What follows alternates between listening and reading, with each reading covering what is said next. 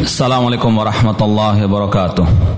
إن الحمد لله نحمده ونستعينه ونستغفره ونعوذ بالله من شرور أنفسنا ومن سيئات أعمالنا. من يهده الله فلا مضل له ومن يضلل فلا هادي له. أشهد أن لا إله إلا الله وحده لا شريك له وأشهد أن محمدا عبده ورسوله. يا أيها الذين آمنوا اتقوا الله حق تقاته ولا تموتن إلا وأنتم مسلمون يا أيها الناس اتقوا ربكم الذي خلقكم من نفس واحدة وخلق منها زوجها وبث منهما رجالا كثيرا ونساء واتقوا الله الذي تساءلون به والأرحام إن الله كان عليكم رقيبا يا أيها الذين آمنوا اتقوا الله وقولوا قولا سديدا. يصلح لكم أعمالكم ويغفر لكم ذنوبكم. ومن يطع الله ورسوله فقد فاز فوزا عظيما. أما بعد فإن أصدق الحديث كتاب الله وخير الهدي هدي محمد صلى الله عليه وسلم. وشر الأمور محدثاتها وكل محدثة بدعة wa kulla bid'atin dalalah wa kulla dalalatin finnar. Ma'asal muslimin hadirin ikhwani fillah wa akhwati bapak-bapak ibu-ibu saudara-saudari kurahimani wa rahmakumullah pertama-tama marilah kita senantiasa memanjatkan puji syukur kepada Allah subhanahu wa ta'ala yang dengan limpahan nikmat, hidayah serta pertolongannya kita dipertemukan oleh Allah subhanahu wa ta'ala di dalam salah satu taman surganya yang ada di dunia ini. Semoga Allah Subhanahu wa taala mengumpulkan kita pula di taman surganya di akhirat kelak. Ikhwani fillah wa akhwati rahimani wa rahimakumullah. Rasul SAW bersabda, "Man salaka tariqan yaltamisu fi ilman, sahalallahu bi tariqan ilal jannah." Barang siapa yang melangkahkan kakinya dalam rangka belajar ilmu agama, maka Allah akan mudahkan jalannya menuju surga. Wa mashtama qaumun fi baitin min buyutillah yatluna kitab Allah wa yatadarasunahu bainahum illa nazat alaihimus sakinah wa ghasyatumur rahmah wa hafathumul malaika wa dzakarahumullah fiman indah rawahu muslim kata Rasul SAW tidaklah sekelompok manusia berkumpul di salah satu rumah-rumah Allah di salah satu masjid-masjid Allah mereka membaca Al-Quran dan saling mempelajari isi Al-Quran kecuali akan turun kepada mereka ketenangan rahmat Allah akan mengelilingi mereka atau meliputi mereka dan malaikat mengelilingi majlis mereka dan Allah akan memuji mereka di kalangan malaikat yang ada di sisinya. Semoga Allah Subhanahu wa taala menjadikan langkah kita ke tempat ini ikhlas karenanya dan semoga Allah menambahkan kepada kita ilmu yang bermanfaat dan al-amal as-saleh. Ikhwani fillah wa akhwati rahimani wa rahimakumullah. Seperti yang telah diumumkan tadi, tema kajian kita pada pagi hari yang cerah ini berkaitan dengan salah satu manhaj prinsip ahli sunnah wal jamaah. Sebuah kajian yang tidak terlepas dari pembahasan kitab-kitab akidah ulama ahli sunnah wal jamaah.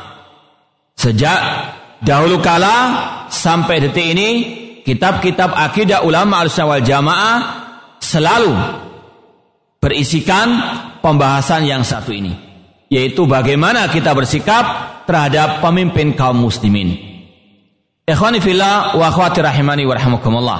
Ini salah satu sebab mengapa kita ingin bersama-sama mempelajari hal tersebut. Karena ini merupakan salah satu kajian yang ada dalam kitab-kitab akidah alusna wal jamaah sejak dahulu kala. Dan kita sebagai pengikut alusna wal jamaah, pengikut ulama salaf, kewajiban kita mempelajari apa yang telah disampaikan oleh para ulama-ulama kita, ulama-ulama al-sunnah wal jamaah. Terutama tentang masalah prinsip yang satu ini. Yang kedua, di antara sebab mengapa kita membahas masalah ini, karena ini bertepatan dengan negeri kita yang baru memiliki pemimpin yang baru, presiden yang baru, Bapak Jokowi hafizallahu taala yang banyak kita dapatkan sejak eh, pemilu kemarin sampai detik ini pro dan kontra bukan hanya dari orang-orang yang notabene tidak tahu mana al-sunnah wal jamaah namun mereka-mereka yang juga terkadang menisbatkan dirinya sebagai al-sunnah wal jamaah namun pemikiran ucapannya terkadang menyelisihi manhaj al-sunnah wal jamaah di dalam masalah ini maka perlu untuk kita mengangkat kembali untuk kita melakukan penyegaran kembali terhadap akidah yang sebetulnya sudah dimaklumi oleh setiap ahlu sunnah wal jamaah. Kemudian juga ma'asal muslimin rahimani wa rahmakumullah. Di antara sebab mengapa kita membahas pembahasan masa ini karena di zaman yang penuh fitnah ini kata para ulama haruslah sering kita sampaikan tentang pembahasan-pembahasan seperti ini. Dahulu ulama al-sunnah wal jamaah demikian. Setiap munculnya benih-benih pemikiran-pemikiran sesat, mereka tidak tinggal diam. Mereka pun langsung melakukan tazkir wa tahzir, peringatan terhadap bahaya pemikiran-pemikiran tersebut. Dan itulah yang merupakan tugasnya para ulama. Rasul SAW mengatakan, Yahmilu hadal ilma min kulli khalafin uduluhu yanfuna anhu tahrifal ghalin wa intihalal mubtilin wa ta'wilal jahilin. Ilmu agama ini senantiasa dibawa oleh para ulama yang adil, yang objektif. Tugas mereka yanfun anhu tahrifal ghalin, meniadakan tahrif, eh penyimpangan orang yang ekstrim. Ini tugas para ulama. Yanfun anhu tahrifal ghalin, meniadakan tahrifnya penyimpangannya orang-orang yang ekstrim. Wa ta'wilal jahilin. Dan mengkantar membantah takwilnya orang-orang yang jahil. Wa halal mubtilin. Dan memperingatkan membantah jalan orang-orang yang di atas kebatilan ini adalah sekali lagi tugas para ulama yang ingin kita untuk meniti jejak mereka untuk kita selalu meluruskan pemahaman-pemahaman yang tidak sesuai dengan Al-Quran dan Sunnah Rasulullah SAW, terutama tentang masalah bersikap terhadap pemimpin kaum muslimin. Ikhwani fillah wa akhwati rahimani wa rahimakumullah itu di antara sebab mengapa ingin kita angkat tema tujuh sikap bijak alusuna wal jamaah terhadap pemimpin kaum muslimin. Ikhwani fillah wa akhwati rahimani wa. Yang harus kita yakini juga bahwasanya Islam adalah satu-satunya agama yang maha sempurna. Islam telah menjelaskan kepada kita segala yang dibutuhkan oleh manusia demi kebaikan mereka di dunia maupun di akhirat. Tidak ada satupun di antara kebaikan yang mengantarkan manusia ke surga dan tidaklah ada sesuatu yang bisa menjadikan mereka bahagia, tentram, aman, melainkan Islam telah menjelaskan kepada kita dengan sejelas-jelasnya. Demikian pula tidaklah ada sesuatu kerusakan, kejelekan, keburukan kecuali Islam telah memperingatkan kita darinya. Oleh karena itulah Allah Subhanahu wa taala berfirman, "Al-yauma akmaltu lakum dinakum." Wa atmamtu alaikum ni'mati wa raditu lakumul Islam Madinah. Pada hari ini telah aku sempurnakan bagi kalian agama kalian dan telah aku cukupi nikmatku atas kalian dan telah aku ridhoi Islam sebagai agama kalian. Islam telah sempurna. Segala pembahasan yang dibutuhkan oleh manusia sudah ada dalam Islam. Sampai-sampai Al-Imam Ibnu Katsir rahimahullah taala dalam tafsir beliau terhadap ayat ini surat Al-Maidah ayat yang ketiga, beliau mengatakan Inna hadhihi akbaru ni'amillah ala hadil ummah. Ini merupakan nikmat Allah yang terbesar atas umat ini. Nikmat apa? Disempurnakannya agama Allah Subhanahu wa taala. Kemudian beliau Al-Imam Nukathir mengatakan Walidhalika la yahtajuna ila dinin ghera dinihim wala ila nabiyin ghera nabihim. Oleh karena itulah kaum muslimin tidak butuh lagi kepada ajaran agama kecuali ajaran Islam dan mereka tidak butuh kepada nabi selain nabi mereka Nabi Muhammad sallallahu alaihi wasallam. Kemudian beliau mengatakan fala halala illa ma ahallahu wala harama illa ma harrama wala dina illa ma syara'ah. Maka tidak ada yang halal kecuali yang dihalalkan oleh Nabi tidak ada yang haram kecuali yang diharamkan oleh Nabi Muhammad SAW dan tidak ada ajaran agama yang hak kecuali ajaran Nabi Muhammad SAW. Islam sudah sempurna. Kewajiban kita selalu kembali kepada agama kita Islam yang berdasarkan Al-Quran dan Sunnah Rasulullah SAW dengan pemahaman para sahabat Rasulullah SAW. Dan Rasulullah SAW juga mengatakan ma baqiya syai'un yuqarribu minal jannah wa yubaidu minan nar illa waqad buyyina lakum. Tidak ada sesuatu pun yang tersisa dari urusan agama ini melainkan ya Rasul SAW telah menjelaskan semuanya kepada kita. Sekali lagi Rasul mengatakan tidak ada sesuatu pun yang tersisa dari urusan agama ini yang bisa mendekatkan ke dalam surga menjauhkan dari api neraka kecuali telah dijelaskan semuanya oleh Ar-Rasul sallallahu alaihi wasallam. Sampai-sampai seorang sahabat Rasul sallallahu yang bernama Abu Dzar Al-Ghifari radhiyallahu taala anhu mengatakan Tarakana Rasulullah SAW wa ma ta'irun yuqallibu janahi fil hawa illa wa qad bayyana lana anhu ilman. Tidaklah Rasul meninggal dunia, meninggalkan kami dan tidaklah seekor burung yang terbang di atas udara dengan kedua sayapnya melainkan telah dijelaskan ilmunya oleh Ar-Rasul sallallahu alaihi wasallam. Ini sekali lagi ikhwani fillah wa akhwati Bapak-bapak, ibu-ibu, saudara-saudaraku rahimani wa rahmakumullah menunjukkan tentang kesempurnaan Islam bahwasanya semua kebaikan itu telah dijelaskan oleh Islam. Demikian pula tidak ada kejelekan kecuali Islam telah memperingatkannya. Maka tugas kita untuk kita mempelajari agama kita ini sekali lagi yang berdasarkan Al-Quran dan Sunnah Rasulullah SAW dengan pemahaman yang benar, pemahaman para sahabat Rasulullah SAW. Kemudian ikhwani fillah wa akhwati rahimani wa rahimakumullah. Kalau saja dalam Islam masalah buang hajat Masalah qadul hajat, masuk ke toilet misalnya, itu telah dijelaskan dengan segamblang-gamblangnya oleh Al-Quran dan Sunnah Rasulullah SAW. Kalau kita masuk ke toilet, yang didahulukan kaki yang mana? Apa doanya? Nggak ada yang pernah masuk toilet. Allahumma ini a'udzubika minal khubuthi wal khaba'ith. Kemudian dilarang untuk kita menghadap ke arah kiblat ketika buang hajat tersebut. Kemudian apa? Ketika kita keluar, kaki main dahulukan. Baca doa apa? Ghufranaka. Itu dengan sedetail-detailnya Islam menjelaskan tentang masalah qadul hajah. Pembahasan yang kelihatannya sepele. Namun itulah Islam, agama yang maha sempurna. Kalau masalah yang sekecil itu saja, Islam mengajarkan kepada kita dengan segamblang-gamblangnya. Apalagi masalah yang besar.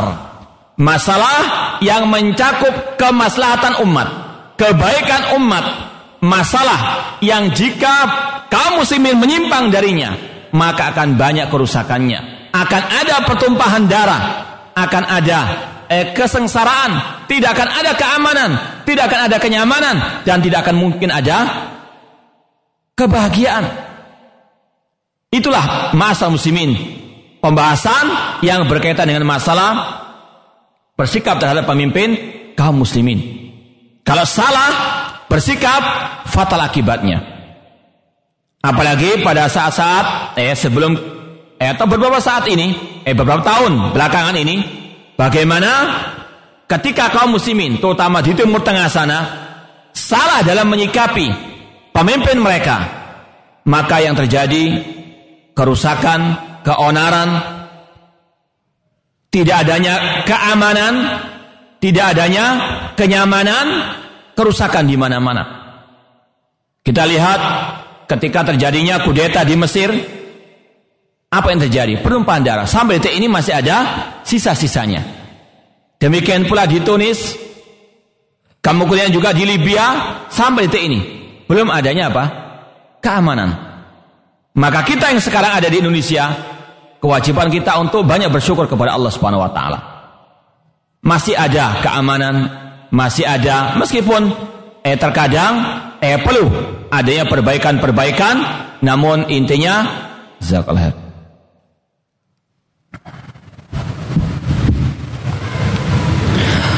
Intinya, jika dibandingkan dengan negara-negara tersebut yang telah mengalami pergolakan, mengalami kudeta, pemberontakan, eh sangat amat jauh. Maka sekali lagi kita bersyukur kepada Allah. Dan nikmat seperti ini wajib untuk kita pertahankan. La in syakartum la azidannakum wa la in kafartum inna azabila syadid. Jika kalian bersyukur, akan kami tambahkan nikmatku dan jika kalian kufur, sesungguhnya adabku sangat sangat pedih. Oleh karena itulah sekali lagi masalah muslimin kita ingin untuk bersyukur kepada Allah dengan adanya keamanan ya yang ada di negeri kita ini meskipun sekali lagi perlu adanya penambahan perlu adanya perbaikan namun innallaha la yughayyiru ma biqaumin hatta yughayyiru ma bi anfusihim Sesungguhnya Allah tidak akan mungkin merubah nasib suatu kaum sampai mereka merubah nasib mereka sendiri. Wa wa.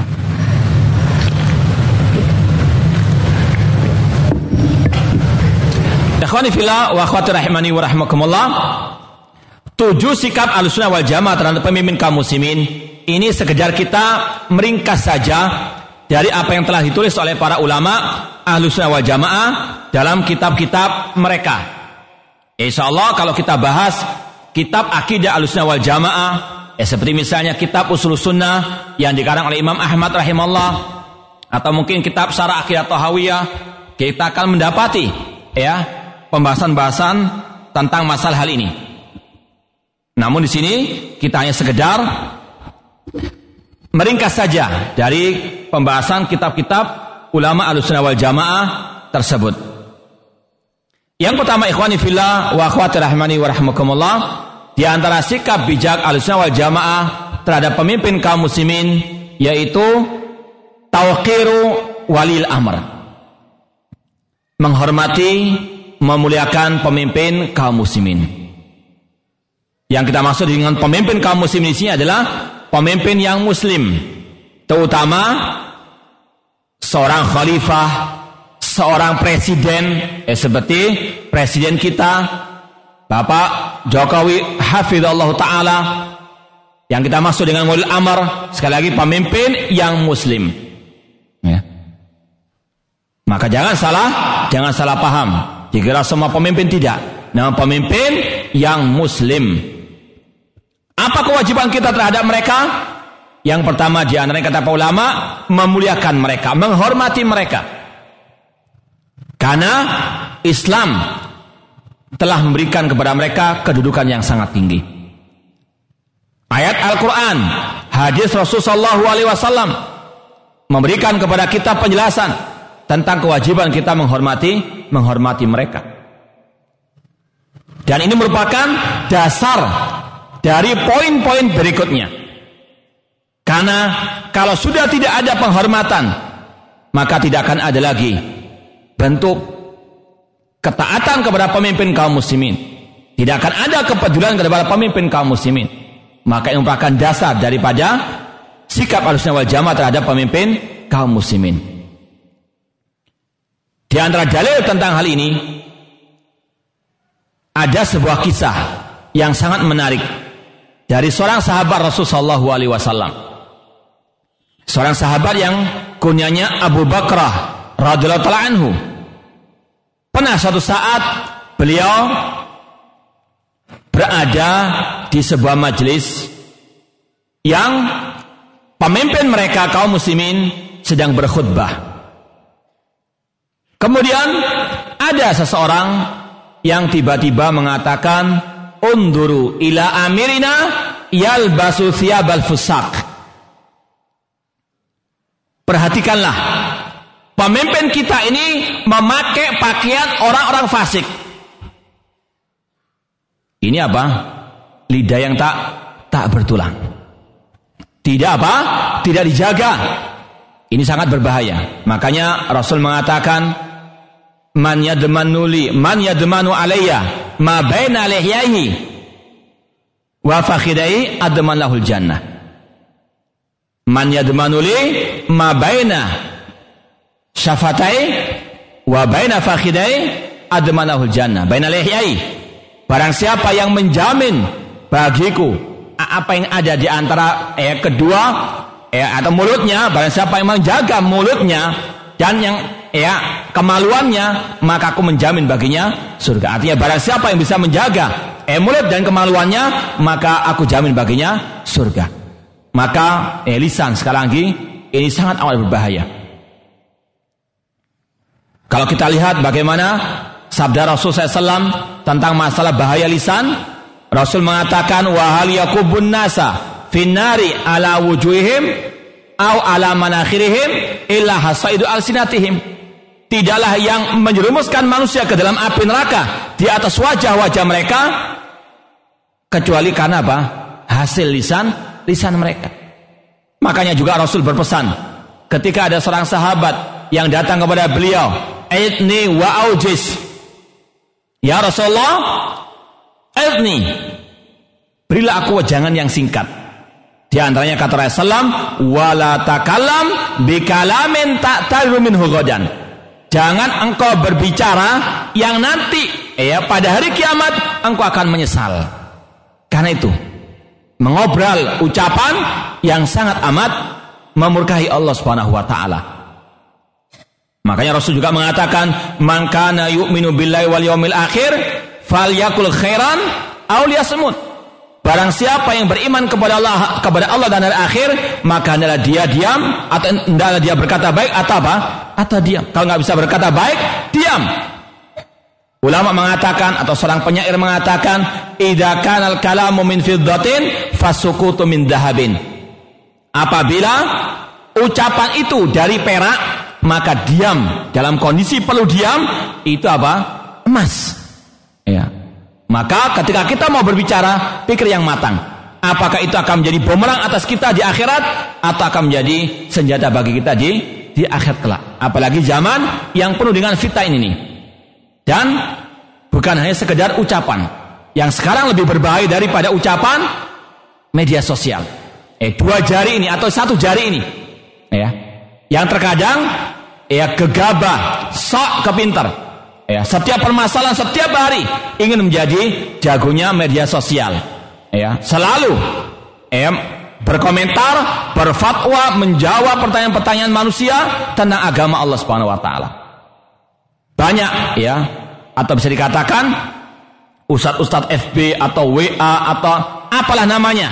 Intinya ya ustadz-ustadz karbitan mufti-mufti karbitan yang ya, mulutnya berbisa, kata-katanya beracun yang terkadang merusak dakwah alusuna wal jamaah.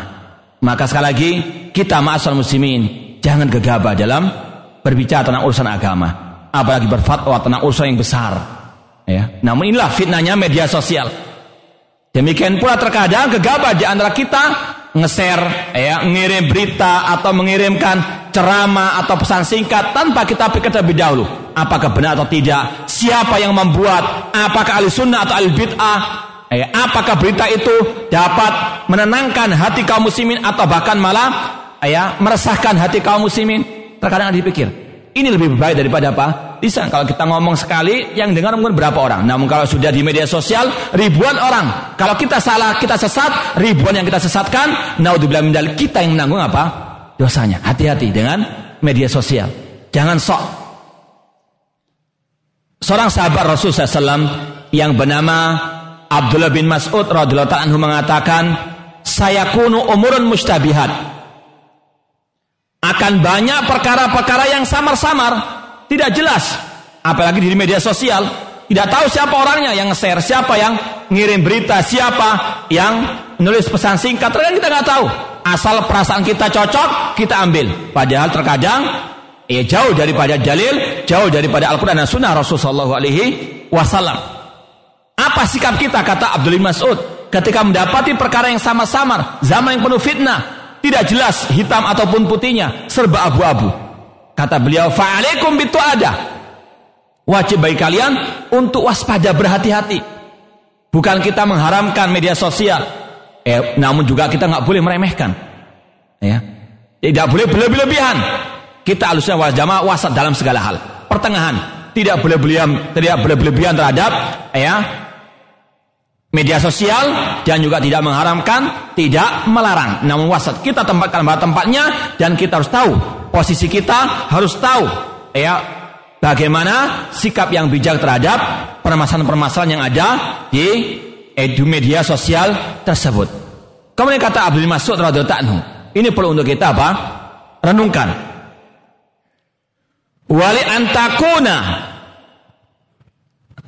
tapi alil khairi khairun laka min antakuna ra'san fisyar lebih baik anda menjadi ekornya kebaikan kebenaran lebih baik menjadi pengikut makmun daripada anda menjadi eh kepalanya kejelekan keburukan.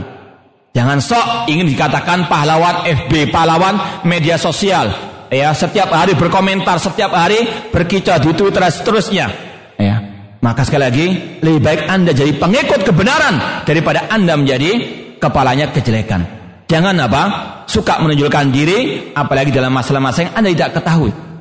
Ya maka sekali lagi ikhwani fillah wa akhwati rahimani wa rahmakumullah Rasulullah SAW memperingatkan kita selalu terhadap bahaya alisan maka pada zaman ini lebih dasar lagi bahaya media sosial. Jangan sampai kita eh gegabah nanti akan menjadi bumerang atas kita di akhirat kelak. Kembali kepada ucapan seorang tadi yang mengatakan lihatlah kepada pemimpin kita yang memakai pakaian kefasikan.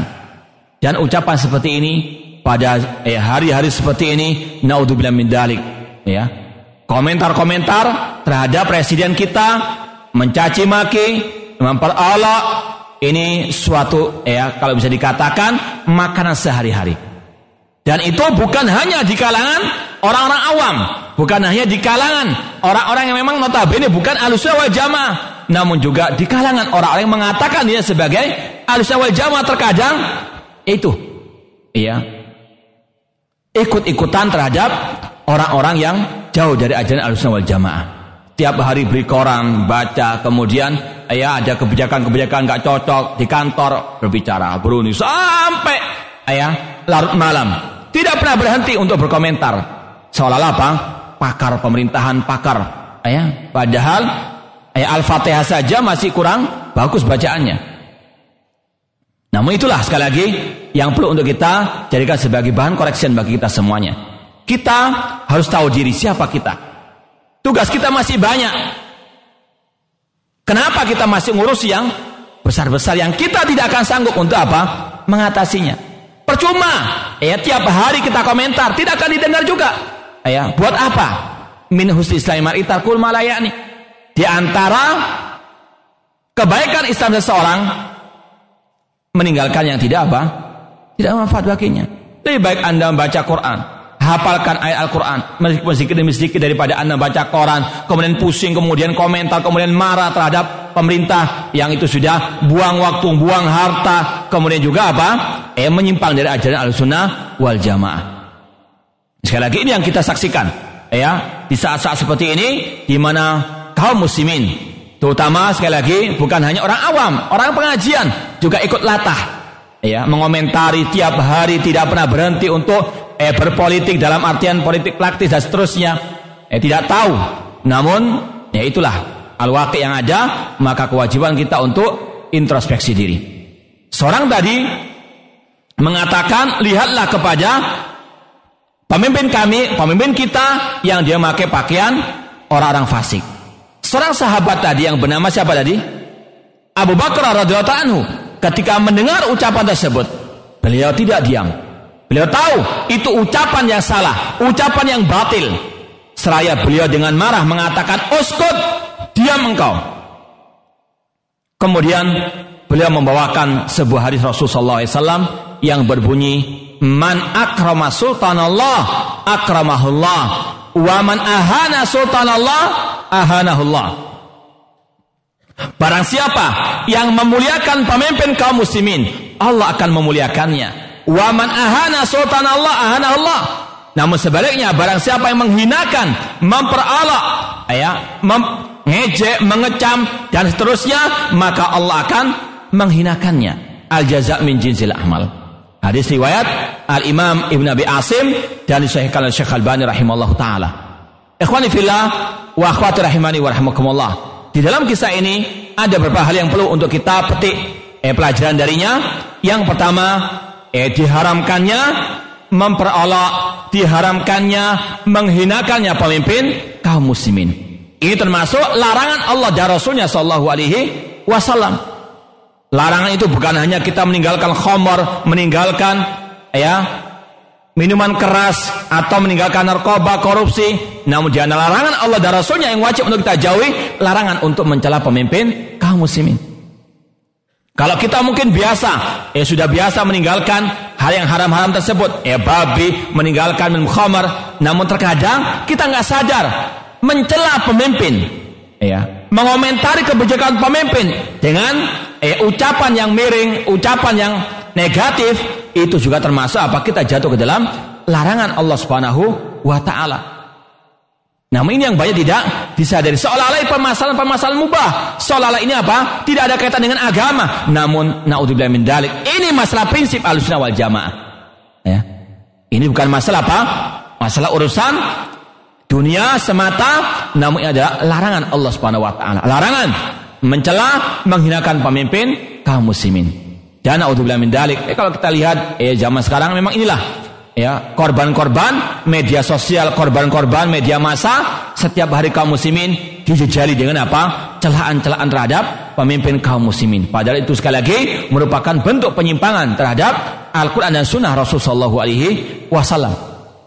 Kemudian pelajaran yang kedua dari kisah tersebut, kisah seorang sahabat yang bernama Abu Bakrah radhiyallahu anhu bahwasanya kewajiban kaum muslimin memuliakan pemimpin mereka.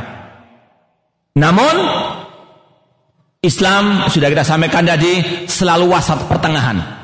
Tidak ifrat, tidak tafrid, tidak berlebihan, tidak meremehkan dalam segala hal. Islam adalah apa? Eh siratal mustaqim. Ya Allah jauhkanlah kami, ya Allah tunjukkanlah kami ke jalan yang lurus. Ini adalah siratul mustaqim, jalan pertengahan. Ghairil maghdubi alaihim, bukan jalan orang yang kau murkai, yaitu al-Yahud dan bukan jalannya orang ad-dalin, orang Nasara. Islam pertengahan asratul mustaqim. Tidak berlebihan seperti orang Yahudi atau orang tidak berlebihan seperti orang Nasara, tidak meremehkan seperti orang ya, orang al-Yahud. Ya, orang Nasara berlebihan terhadap nabi mereka sehingga menuhankan nabi mereka. Orang Yahudi meremehkan para nabi, bahkan membunuh para nabi. Islam wasat pertengahan. Menghormati para nabi, namun tidak menuhankan nabi. Allah mengatakan, Kul innama ana basharun mislukum yuha ilayya. Katakanlah, sesungguhnya aku yaitu Nabi Muhammad, manusia biasa sebagaimana kalian. Namun aku diberikan wahyu Allah Ta'ala, bahwasanya tidak ada sembahyang hak kecuali Allah Subhanahu Wa Ta'ala. Inilah sikap pertengahan kaum muslimin terhadap Nabi Muhammad SAW. Tidak berlebihan sebagaimana orang Nasara, tidak meremehkan seperti orang al-Yahud. Apakah ada orang yang menuhankan Nabi? Ada enggak? Hah? Ada enggak? Enggak ada ya? Hah? Enggak ada sedikit. Banyak sekali mereka-mereka yang menuhankan Nabi Muhammad SAW. Antum dengar istilah salawat nariyah. Hah? Pernah hafal? Apa sekarang jadi mantannya? Ya. Dikatakan di situ, Allahumma salli salatan kamila wa salim salaman tama ala sayyidina Muhammad alladzi tanhalu bil uqad wa tanfarju bil kurab wa tuqda bil hawaij wa tunalu bil raghaib sampai akhirnya. Dikatakan di situ, Allah, ya Allah, berilah salawat dan salam yang sempurna kepada Sayyid kita Muhammad yang dengan Nabi Muhammad akan terurai semua ikatan dan dengan Nabi Muhammad akan hilang semua kesusahan dan dengan Nabi Muhammad akan digapai semua cita-cita dan akan dipenuhi semua kebutuhan. Mana untuk Allah Subhanahu wa taala? Apakah Nabi bisa menghilangkan kesusahan? Allah mengatakan wa iyam saskallahu bidhurin fala kashifa wala illa. Apabila Allah menimpakan suatu musibah, tidak ada yang bisa mengentasnya kecuali Allah Subhanahu wa taala. Mereka mengatakan Rasul juga bisa.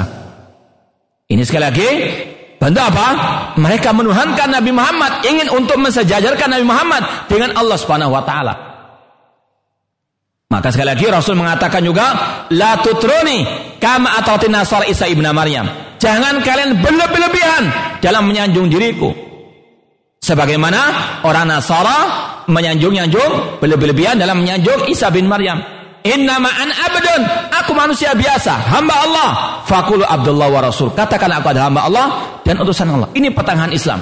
Kita hormati Nabi Muhammad, kita taati ajaran Nabi Muhammad, kita mencintai beliau, namun tidak boleh kita menuhankan, menuhankan beliau. Demikian pula dengan pemimpin kaum muslimin. Kita wajib menghormati pemimpin kaum muslimin, namun jangan berlebihan. Eh seperti pada waktu acara kampanye dahulu ada yang mengatakan bahwasanya eh calon salah satu calon presiden kita seperti Umar bin Khattab. Masya Allah. Umar bin Khattab ada pada zaman sekarang? Hah? Khairun nas. Sebaik-baik manusia adalah apa? Generasi kepada sahabat. Tidak ada sekarang ini. Eh khairul qarni. Itu pelecehan sebenarnya kepada siapa? Kepada Umar bin Khattab. Bagaimana Umar bin Khattab disamakan dengan sebagian orang? ya. Yang ada di ya di negeri kita ini. Yang nggak tahu kualitas agamanya bagaimana. Ini penghinaan kepada Umar bin Khattab radhiyallahu itulah sikap berlebihan terhadap pemimpin kaum muslimin. Kita tidak mau seperti itu. Kita wajib katakan memuliakan itu wajib. Namun tidak boleh apa berlebihan tidak boleh meremehkan tidak boleh berlebihan wasat kita hormati pemimpin kaum muslimin sesuai dengan porsinya tidak boleh apa? Berlebihan dalam menyatakan mereka seperti Umar Khattab atau seperti pemimpin para sahabat Rasulullah alaihi wasallam. Rasul juga mengatakan as-sultan dhillullah fil ardi. Pemimpin itu adalah naungan Allah di atas muka bumi ini. Kalau mungkin mau dibahas secara bahasa, ini namanya idofatut tashrif bentuk penghormatan. Kalau misalnya kita mengatakan Baitullah, apa artinya Baitullah itu? Rumah Allah. Kalau rumah itu disandarkan kepada Allah, berarti itu bentuk pemulihan atau sebaliknya? Pemulihan, rumah Allah, tempat yang paling mulia di atas muka bumi ini. Disandarkan kepada Allah, Baitullah. Naqatullah, untanya Allah. Untanya siapa itu? Nabi Saleh alaihissalam. Ketika disandarkan kepada Allah menunjukkan kemuliaannya. Maka demikian pula di sini. Ketika Rasul mengatakan as-sultan zilullah fil ardi. Pemimpin adalah naungan Allah di atas muka bumi ini. Maka kewajiban kita memuliakan pemimpin tersebut karena Rasul memuliakan mereka. Kita memuliakan pemimpin bukan karena dulu kita dapat ya uang kampanye bukan ya. Kita ikut pemimpin atau memuliakan pemimpin bukan karena kita kerabatnya, bukan karena kita ya ikut partainya naudzubillah min dalik. Namun kita menghormati pemimpin tersebut lillah wa fillah karena Allah dan di jalan Allah Subhanahu wa taala. Karena itu perintah Allah, perintahnya Rasul sallallahu alaihi wasallam. Ini bukan karena apa? Sekali lagi bukan karena fanatik, golongan bukan. Tidak. Namun ini adalah ajaran Allah dan Rasulnya sallallahu alaihi wasallam. Ini yang terkadang tidak disadari. Bahwasanya ini adalah perintah Allah. Perintahnya Rasul Shallallahu Alaihi Wasallam. Di sini ingin kita sampaikan ucapan ulama alusnya wal jamaah tentang masalah ini. Syekh Muhammad bin Salih Thimin rahimahullah berkata Fallaha Allah fi fahmi manhaji salafi salih fi ta'amul ma sultan bertakwalah kalian kepada Allah di dalam memahami manhaj salaf dalam bermuamalah terhadap pemimpin kaum muslimin. Di sini Syekh Muhammad bin Saimin ingin untuk mengingatkan kita kewajiban kita dalam masa ini selalu kembali ke manhaj salaf, metode para ulama salafus saleh, para sahabat, tabi'in, tabi'uta, tabi'in. Kenapa kau harus ikut mereka? Karena Allah yang memerintahkan. Karena Rasul yang memerintahkan. Allah mengatakan wasabiqunal awwaluna minal muhajina wal ansar walladina taba'uhum bi ihsan radhiyallahu anhu wa radu'an. Orang-orang yang pertama lagi terdahulu masuk Islam dari kalangan muhajirin kaum al-ansar dan yang mengikuti mereka dengan baik. Kita ingin menjadi yang seperti tadi. Mengikuti mereka dengan baik. Mengikuti siapa? mengikuti para sahabat muhajirin wal ansar. Maka balasannya radhiyallahu anhum wa radu'an Allah ridha kepada mereka dan mereka beridha kepada Allah Subhanahu wa taala. Ini yang ingin kita apa? Ikuti mengikuti jejak para salafus saleh. Para sahabat tabi'in dan tabi'ut tabi'in. Allah juga mengatakan yang sering kita baca setiap salat eh dinas siratal mustaqim. Ya Allah tunjukkanlah kami ke jalan yang lurus kata al-imam Ibnu Qayyim rahimahullah Asratul Mustaqim adalah jalannya Abu Bakar As-Siddiq, jalannya Umar bin Khattab dan jalannya para sahabat Rasulullah SAW. Kalau kita minta kepada Allah jalan yang lurus, maka inilah jalan yang lurus. Jalannya para sahabat Rasulullah SAW. Intinya dalam beragama kita wajib mengikuti jejak para sahabat Rasulullah SAW, khususnya dalam masalah ini, menyikapi pemimpin kaum muslimin. Rasul juga mengatakan Sataftariqu hadhihi ummah ala salasin wa sabila firqa finar ila wahida. Umat Islam akan terpecah menjadi 73 golongan. Semuanya masuk neraka kecuali satu kata Rasulullah SAW. Ketika para sahabat bertanya, "Mah ya, ya Rasulullah, siapa yang selama itu ya Rasulullah?" Rasul menjawab, "Ma ana alaihi wa ashabi." Yang selama itu yang mengikuti aku dan para sahabatku. Ini yang wajib untuk kita yakinkan dalam diri kita. Tidak akan ada kebenaran kalau kita menyimpang dari ajaran para sahabat Rasulullah SAW. Maka Islam yang benar adalah Islam yang sesuai dengan Al-Quran dan hadis Rasulullah SAW yang sahih dengan pemahaman para sahabat Rasulullah SAW. Apalagi Rasul juga mengatakan khairun nasi qarni summa ladina yunahum summa ladina yalunahum sebaik-baik manusia generasi para sahabat. Kemudian mereka setelahnya para tabiin dan yang setelah mereka para tabiut tabiin. Itulah asal saleh yang wajib untuk kita apa? Pegang erat-erat metode hidup mereka, metode agama mereka. Makanya di sini Syekh Muhammad bin Sayyid mengatakan Fallah Allah fi fahmi manhaji salafis saleh fi ta'amul ma sultan.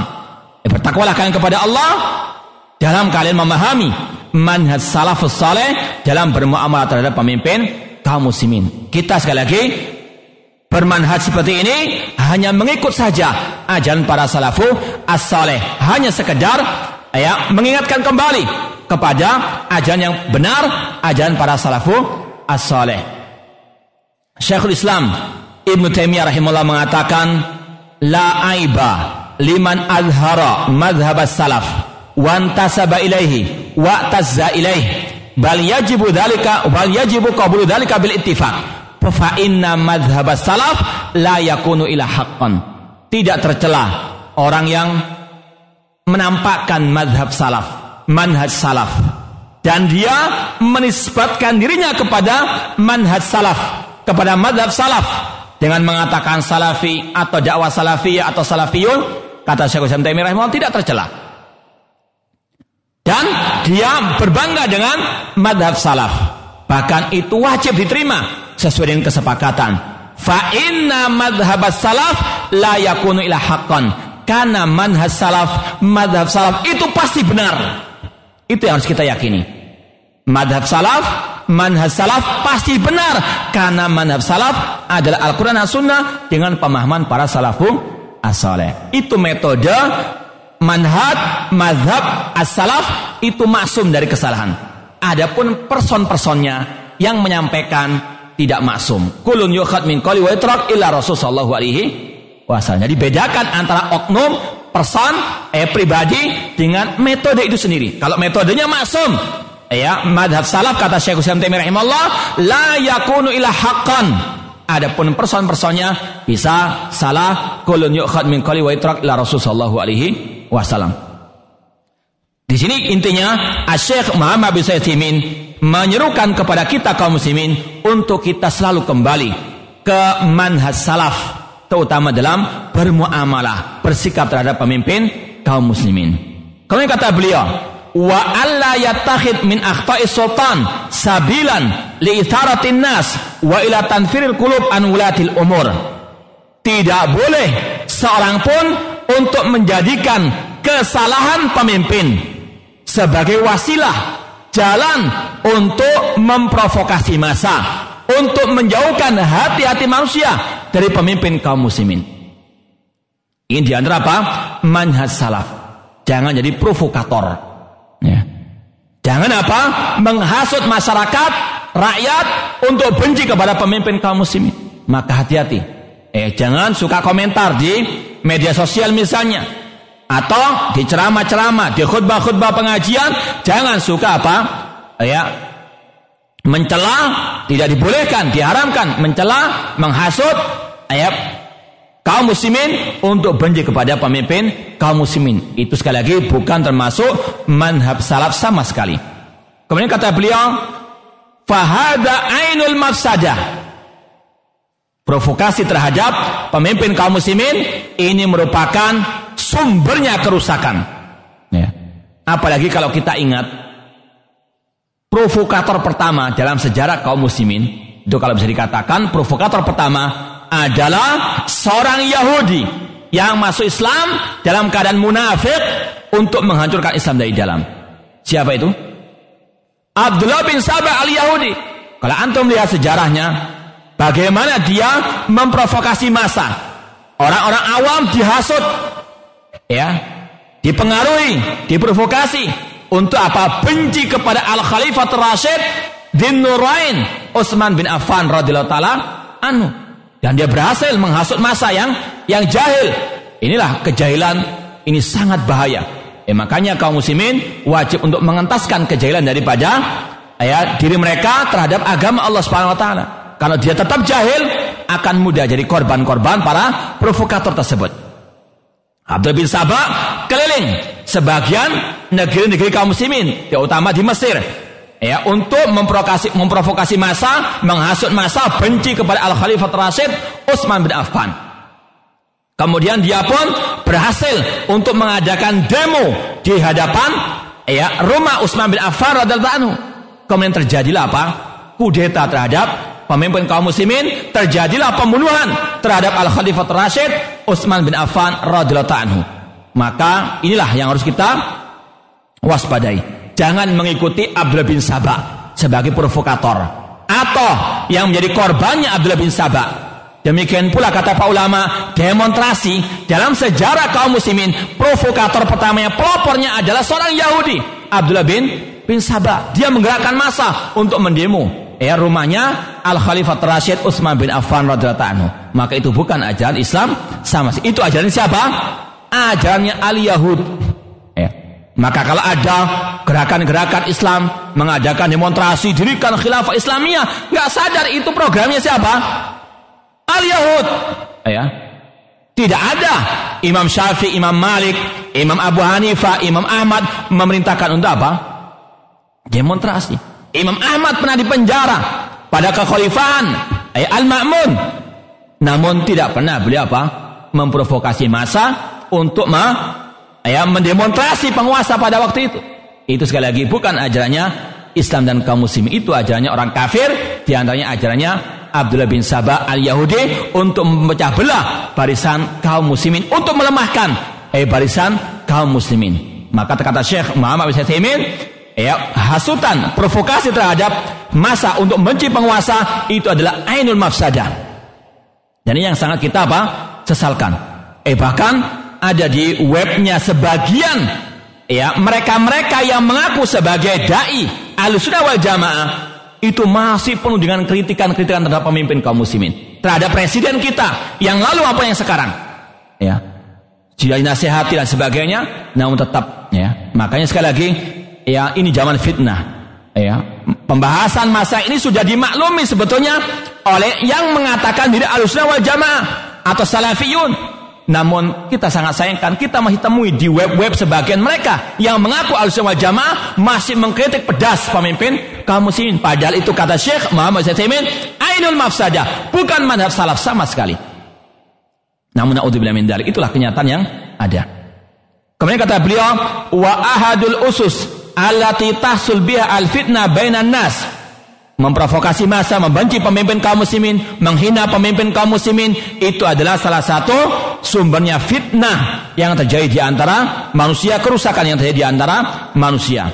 Kama anna min al-qulub ala ulatil amr yuhadithu syarra wal fitnah wal fawdah. Menghasut manusia, memenuhi hati manusia dengan kedengkian, kebencian terhadap pemimpin kaum muslimin itu akan menyebabkan kejelekan, keburukan, fitnah dan ya keonaran. Ini sekali lagi yang perlu untuk kita yakinkan dalam diri kita dan kepada kaum muslimin bahwasanya haram untuk menghasut rakyat membenci pemerintah, haram untuk kita membenci ataupun menghinakan pemimpin kaum muslimin. Ingat sekali lagi sabda Rasul, "Man ahana sultan Allah ahana Allah." Barang siapa menghinakan pemimpin kaum muslimin, Allah akan menghinakannya cepat atau lambat. Ya. Kalau di dunia kita eh belum mendapatkan sanksi tersebut ingat di akhirat pasti akan Allah hinakan kita. Naudzubillah min dalik. Maka jangan sekali lagi kita gegabah. Eh karena apa? Mengikuti hawa nafsu melihat kebijakan pemerintah. Tidak cocok dengan hati kita melihat ada yang kita tidak sukai kemudian kita mencaci maki mencela naudzubillah min dalik ingat eh, ini adalah dilarang oleh Rasulullah SAW ini adalah hal yang diharamkan oleh Allah dan Rasulnya Shallallahu Alaihi Wasallam kemudian itu ucapan ulama yang pada abad ini, Syekh Muhammad bin Sayyid rahimahullah taala. Sekarang kita baca ucapan ulama salaf terdahulu. Yaitu yang bernama Sahal bin Abdullah At-Tasturi rahimahullah taala. Seorang ulama salaf yang bernama Sahal Sahal bin Abdullah At-Tasturi mengatakan la yazalun nasu bi khairin ma'addamus sultana wal ulama. Manusia akan senantiasa dalam kebaikan selama mereka memuliakan pemimpin dan ulama. Namun sekali lagi, eh pemimpin yang sah ya, bukan pemimpin ala ISIS. Khalifahnya apa? ISIS itu bukan pemimpin yang yang sah karena diangkat oleh eh, anggota mereka sendiri, bukan kaum kaum muslimin. Yang kita maksud adalah pemimpin yang sah, seperti presiden kita atau mungkin kalau ada memang khalifah yang sah, yang resmi, bukan yang ilegal. Ya. Ini kita harus apa? Camkan karena memang banyak yang mengaku sebagai pemimpin pemimpin khalifah dan sebagainya, namun semuanya apa? palsu. Eh bukan barang saja yang ada imitasi. Eh khalifah juga ada yang apa? Ada yang imitasi, khalifahnya ISIS di antaranya. Ini bukan yang kita maksudkan. Yang kita maksudkan adalah sekarang lagi kita lebih tujukan kepada pemimpin kita, pemimpin negeri kita ini yang eh, banyak sekarang mengalami apul dan kontra dan sebagainya. Yang kan sudah tidak ya, asing lagi bagi kita, bahkan media pun sangat jelas yang ini nyiarkan kebaikannya, yang kejelekannya. Ini naudzubillah min dalik. Seorang ulama salah yang bernama Sahal bin Abdullah Tasuri mengatakan tadi, la yazal nasu bi khairin sultan wal ulama. Senantiasa manusia dalam kebaikan selama mereka memuliakan pemimpin dan ulama. Namun yang betul-betul apa? Ulama, bukan yang lama, bukan juhala, namun ngaku-ngaku sebagai ulama. Namun betul-betul ulama yang mereka paham Al-Quran dan Sunnah Rasulullah SAW. Tentunya yang hafal Al-Quran, yang hafal hadis-hadis Rasulullah SAW eh kalau ada orang yang dikatakan ulama nggak apa juz amma, ya ini bukan ulama ya. Ulamanya TPA, ya betul. Kalau ulama sebenarnya hafal Al-Quran, hafal mungkin ribuan hadis Rasulullah SAW.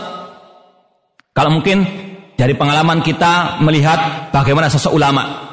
Contoh yang pernah kita dapati dari sosok seorang ahli hadis kota Madinah, Syekh Abdul Musin Al-Abad Al-Badar. Hafidhullah Ta'ala. Ya, bagaimana ya ulama itu sebenarnya. Beliau kalau mengajar di Masjid Nabawi setiap hari mengajar kutubus sitah ya yang pernah kita dulu belajar kepada beliau kitab Sunan Abu Dawud. Metode beliau mengajar itu ada sang pembacanya, seorang doktor hadis. Ya. Itu membacakan hadis misalnya dengan perawi-perawinya. Hadasana fulan an fulan an fulan an fulan fulan. Kemudian disebutkan matanya. Beliau ketika menjelaskan itu beliau nggak langsung jelaskan isinya, perawinya dijelaskan. Sang perawi, misalnya hadasan al Imam Abu Daud mengatakan hadasan al Nabi. Al Nabi ini nama belakang seperti Asy-Syafi'i. Namanya Imam Syafi'i siapa? Muhammad bin Idris. Ah, demikian pula di sini beliau mengatakan al Nabi namanya Muhammad bin Maslamah. Tidak cukup ini saja. Rawi ini diriwayatkan oleh Imam Bukhari, Imam Muslim, Imam Abu Daud dengan hafalan yang ada di dada beliau. Semua perawi beliau sebutkan seperti itu. Ini fiqah, ini daif dan seterusnya. Ini namanya apa? Lama. Kemudian beliau tanpa melihat buku bisa mengulang kembali hadis yang dibacakan oleh sang qari tadi. Itu menunjukkan apa? Beliau hafal. Betul enggak? Sekarang antum misalnya, anda bacakan hadis. Antum suruh mensara, bisa enggak? Ngulangi hadisnya saja apa? Haha la adri. Ya kan? Nah itulah. Ya, itu setiap hari demikian. Meskipun hadisnya panjang, ya, beliau hafal. Ya, mensara apa? Tanpa melihat kitabnya. Langsung beliau hafalkan dan beliau tahu syarahnya. Itu menunjukkan bagaimana ya ulama. Ya. Makanya ya dengan tidak mengurangi hormat kita kepada ya uh, negara kita ini kita belum punya sosok ulama seperti seperti itu. Ya. Apalagi di antaranya apa? Ya ulama itu akan kita ketahui lewat rekomendasi ulama-ulama yang yang lainnya. Demikian pula dengan karya-karyanya. Ya sekarang negeri kita. Siapa yang punya karya ilmiah dengan apa? Rekomendasi dari ulama-ulama besar dunia misalnya. Belum ada. Jangankan untuk mengarang ya. Bahasa Arabnya saja masih eh belepotan istilahnya begitu. Ya. Ini intinya sekali lagi harus juga kita waspada. Tidak semua yang dikatakan ulama itu apa? Ulama. Ya kita harus apa? Betul-betul berhati-hati. Kemudian kata As-Sahal atau kata Sal bin Abdul Tasturi, fa in adbamu hadain aslahallahu dunyahum wa ukhrahum. Kalau manusia itu sudah memuliakan dua golongan tadi, ulama wal umara, maka Allah akan memperbaiki dunia mereka dan akhirat mereka. Karena memang ini adalah perintah Allah dan Rasulnya. Kalau orang itu menyimpang dari perintah Allah dan perintah Rasulnya, yang ada adalah apa? Kerusakan yang ada adalah musibah. Allah mengatakan falyahdharil ladina yukhalifuna an amrihi an tusibahum fitnatun aw yusibahum adzabun alim. Maka berhati-hatilah orang-orang yang menyimpang dari ajarannya Rasul untuk mereka ditimpa suatu fitnah atau azab, azab yang pedih. Maka kalau kaum muslimin mau kembali kepada ajaran Allah dan Rasulnya, kebaikan yang akan mereka peroleh di dunia maupun di akhirat. Kemudian kata beliau, wa ini sakhafu bihadain afsadu dunyahum wa ukhrahum. Namun jika manusia kaum muslimin meremehkan, menghinakan dua golongan tadi ulama wal umara. Namun sekali lagi ulama yang benar-benar ulama bukan juhala. Itu yang kita hormati. Kalau orang yang itu jahil, ngaku sebagai alim, tidak perlu kita hormati, bahkan kita pak nasihati. Ya, belajar dulu ya fasalu ala dzikri kuntum la ta'lamun. Jangan sok jadi apa? Alim. Ya belum bisa apa? Berbahasa Arab belum bisa ya menghafalkan ayat Al-Qur'an atau hadis Rasulullah sudah apa? Jadi mufti misalnya. Ini perlu untuk kita apa? Nasihati. Tidak perlu untuk kita apa? Muliakan. Afsadu dunia wa ukhrahum kalau orang-orang itu meremehkan ulama wal umara maka akan rusak dunia dan akhirat mereka Makanya sekali lagi masuk musim ini pembahasan yang besar. Eh masalah apa? Masalah yang sangat amat diperhatikan oleh ulama-ulama al-sunnah wal jamaah. Mereka sangat khawatir kalau kaum muslimin tidak paham masalah ini akan jadi kerusakan yang luar biasa. Seperti yang terjadi pada zaman Al-Khalifah Rasyid di Nurain, Utsman bin Affan ketika kaum muslimin ya jahil terhadap masalah ini mereka diprovokasi oleh Abdul bin Sabah maka terjadi apa pembunuhan terhadap Al Khalifah Rasyid Utsman bin Affan di Nurain radhiyallahu anhu yang dampaknya sangat luar biasa. Kekacauan-kekacauan kata para ulama yang terjadi setelah pembunuhan terhadap Utsman bin Affan itu sebab utamanya karena mereka kaum muslimin membunuh siapa? Iya, wali Allah Utsman bin Affan radhiyallahu taala anhu. Maka harus betul-betul kita mewaspadai hal-hal seperti ini.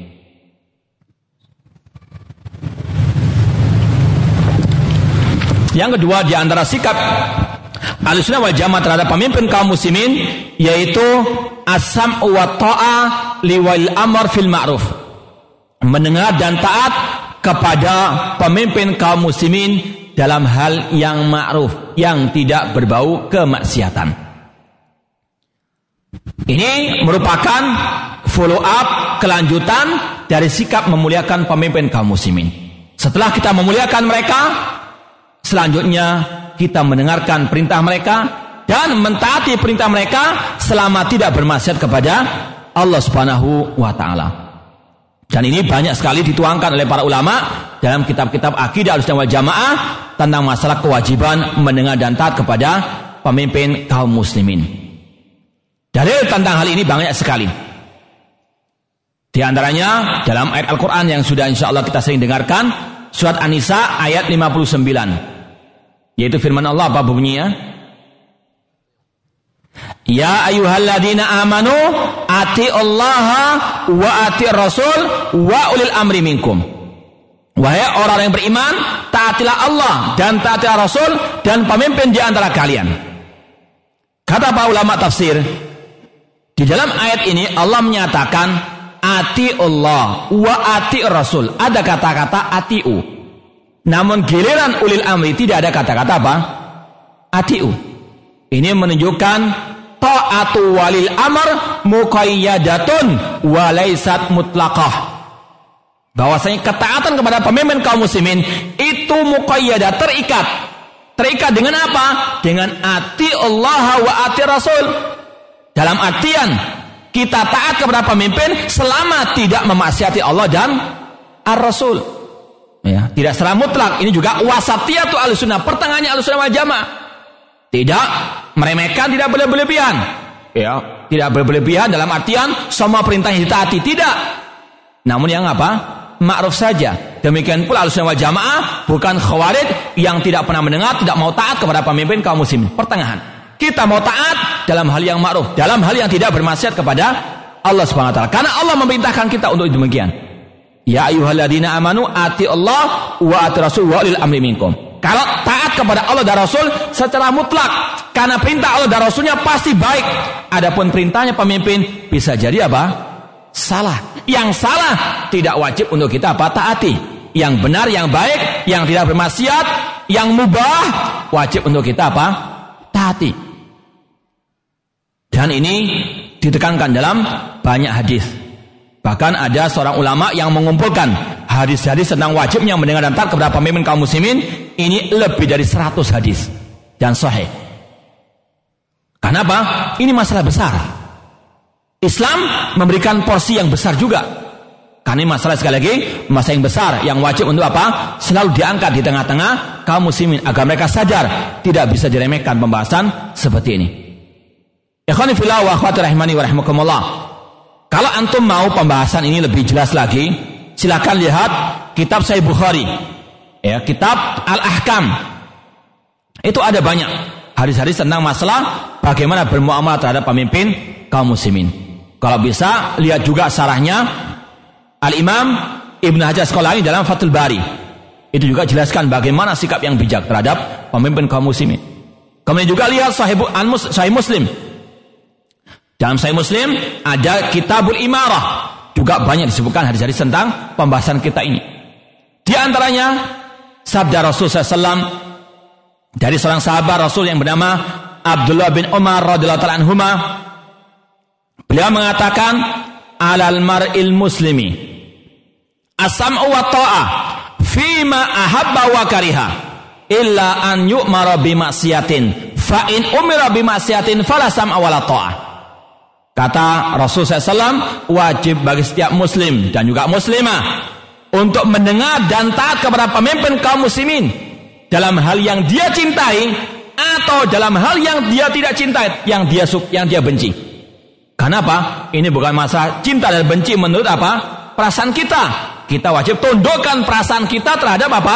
Ad-dalil kepada Al-Quran dan Sunnah Rasul SAW. Rasul mengatakan meskipun kita benci kepada kebijakan pemerintah karena dia sesuai dengan keinginan kita, wajib kita mendengar dan taat selama dalam hal yang apa? Ma'ruf. Eh kalau perintah pemimpin harus mengikuti rakyatnya, nggak jadi-jadi pemerintahan. Karena apa? Setiap orang punya apa? Keinginan masing-masing. Ya. Kewajiban kita apa? Untuk mendengar dan taat kepada pemimpin kaum muslimin selama dalam hal yang tidak bermaksud kepada Allah Subhanahu wa taala. Meskipun kita nggak suka, namun itu ya selama tidak dilarang dalam syariat wajib untuk kita apa? Mendengar dan mentaati kebijakan perintah pemimpin kaum muslimin. Kemudian Kata Rasul SAW, illa an yu'mara bimasyatin. Kalau diperintah untuk berbuat maksiat, tidak boleh mendengar dan taat dalam perintah yang maksiat tersebut. Kalau misalnya pemerintah, pemimpin kaum muslimin, presiden, memerintahkan kita ada 10 perintah misalnya.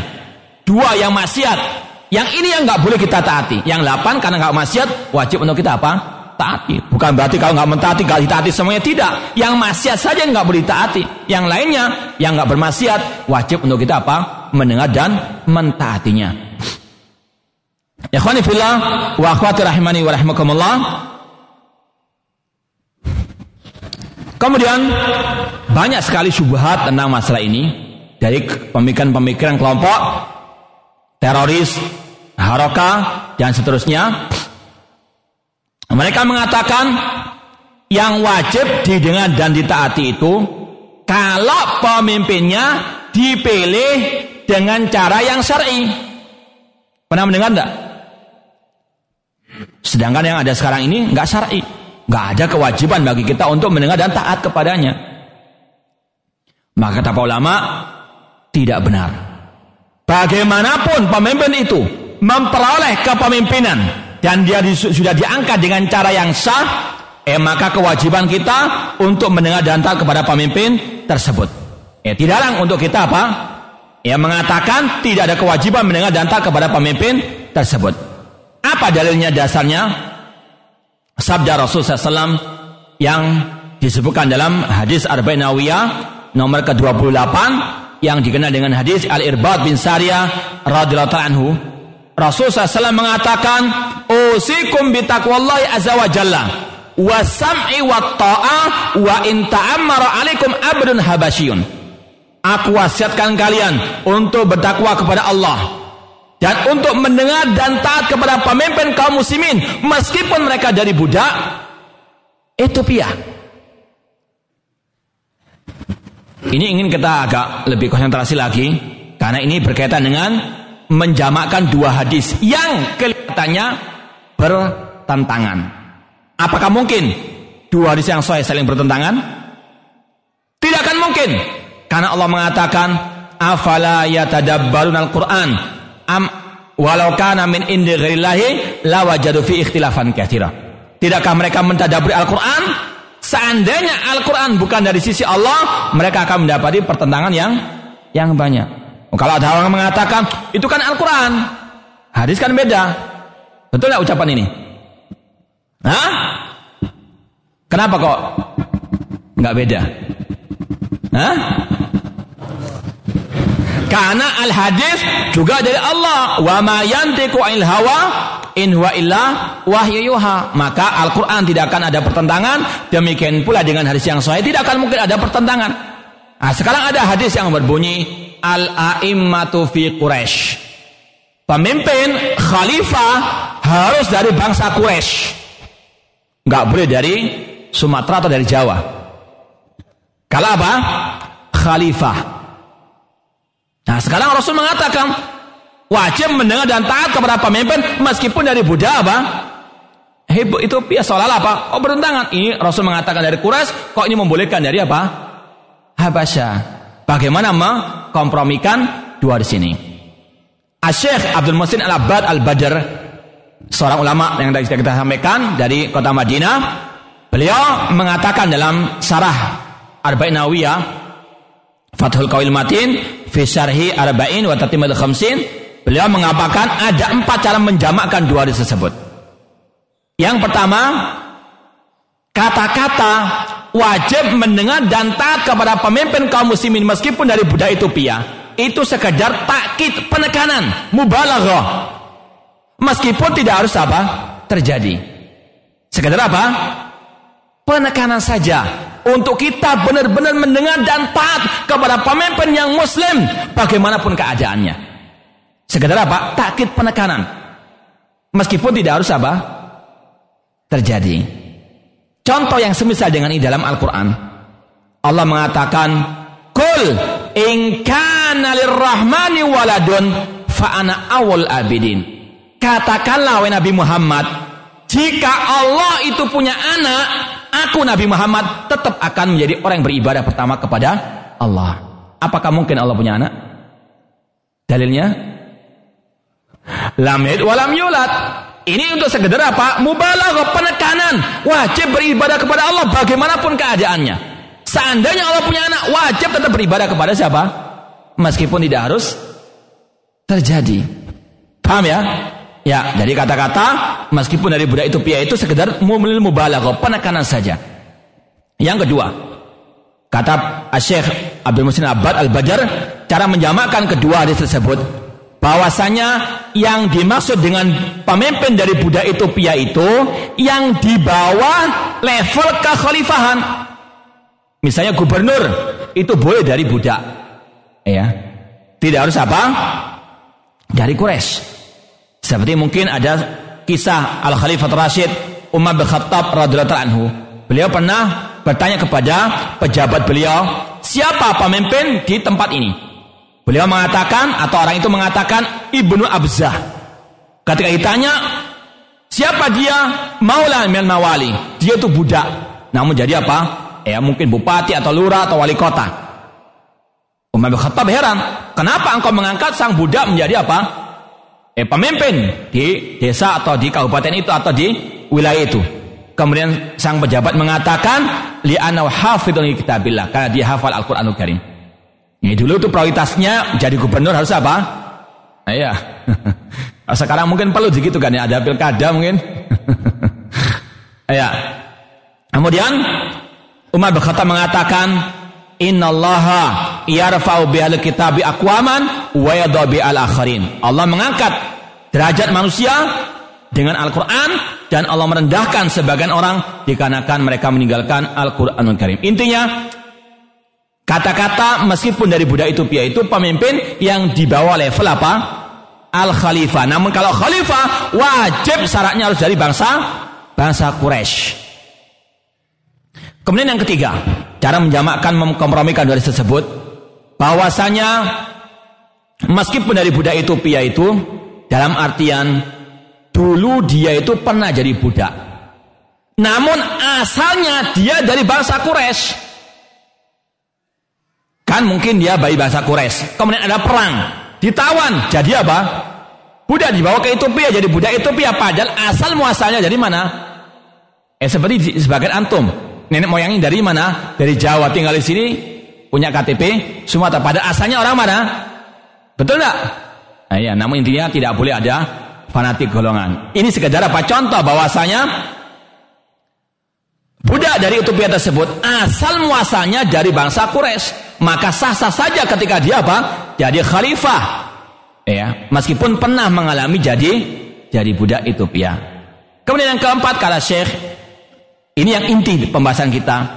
Bahwasannya seandainya seorang budak itu pia dia berhasil mengkudeta, memberontak, yang mana pemberontakan itu haram, tidak syar'i. Ya, namun kalau sudah menjadi khalifah, pemimpin kaum muslimin, maka wajib untuk apa? Didengar dan ditaati. Prosesnya kita ingkari. Namun kalau sudah jadi, wajib untuk apa? Didengar dan ditaati. Ya. Maka ini yang harus apa betul-betul kita ecamkan dalam diri kita, bedakan. Masalah prosesnya itu haram, kita ingkari. Pemilihannya tidak syar'i, betul kita akui. Namun kalau sudah jadi, kata Rasul, wa in ta'amur alaikum abdun habasi wajib untuk kita dengar dan kita apa? dan taati. Dan ini yang juga dikatakan oleh para ulama al-sunnah jamaah.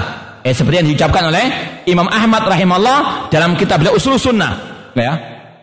Dalam kitab usul sunnah, beliau mengatakan yang maknanya, jika pemimpin itu telah dibaiat oleh rakyat, dan mereka ridho terhadap kepemimpinannya, meskipun dia caranya lewat kudeta, pertumpahan darah, lewat pedang, Maka kalau sudah jadi pemimpin, wajib untuk didengar dan dan ditaati. Jelas ya? Nah. Kemudian ada subhat lagi. Yang mengatakan yang wajib untuk kita dengar dan taati itu kalau pemimpinnya berhukum dengan hukum Islam. Kalau pemimpinnya itu apa? Berhukum dengan hukum Allah. Sedangkan negeri kita tidak. Maka tidak ada apa? Kata mereka mendengar dan ketaatan kepada pemimpin kaum muslimin. Pernah, pernah dengar seperti ini tidak? Hah? Pernah, barusan Ustaz. ya, ini yang kalau kita lihat banyak syubhat-syubhat seperti ini. Maka jawabannya adalah sabda Rasulullah Shallallahu Alaihi Wasallam. Eh, sekali lagi kita dalam beragama ini bukan dengan akal pikiran kita. Adin laisa birra'i. Agama bukan dengan akal-akalan. Agama bukan dengan perasaan. Agama bukan dengan hawa nafsu. Namun agama maqala Allah wa Rasul wa qala sahabah. Agama Islam adalah firman Allah, sabda Rasulnya dan manhaj pemahaman para sahabat Rasul sallallahu alaihi wasallam. Dalam menjawab syubhat tersebut, sabda Rasul SAW yang berbunyi dalam hadis riwayat Muslim, Rasul mengatakan, "Saya kunu ba'di umara yastannuna bighairi sunnati wa yahduna bighairi hadi."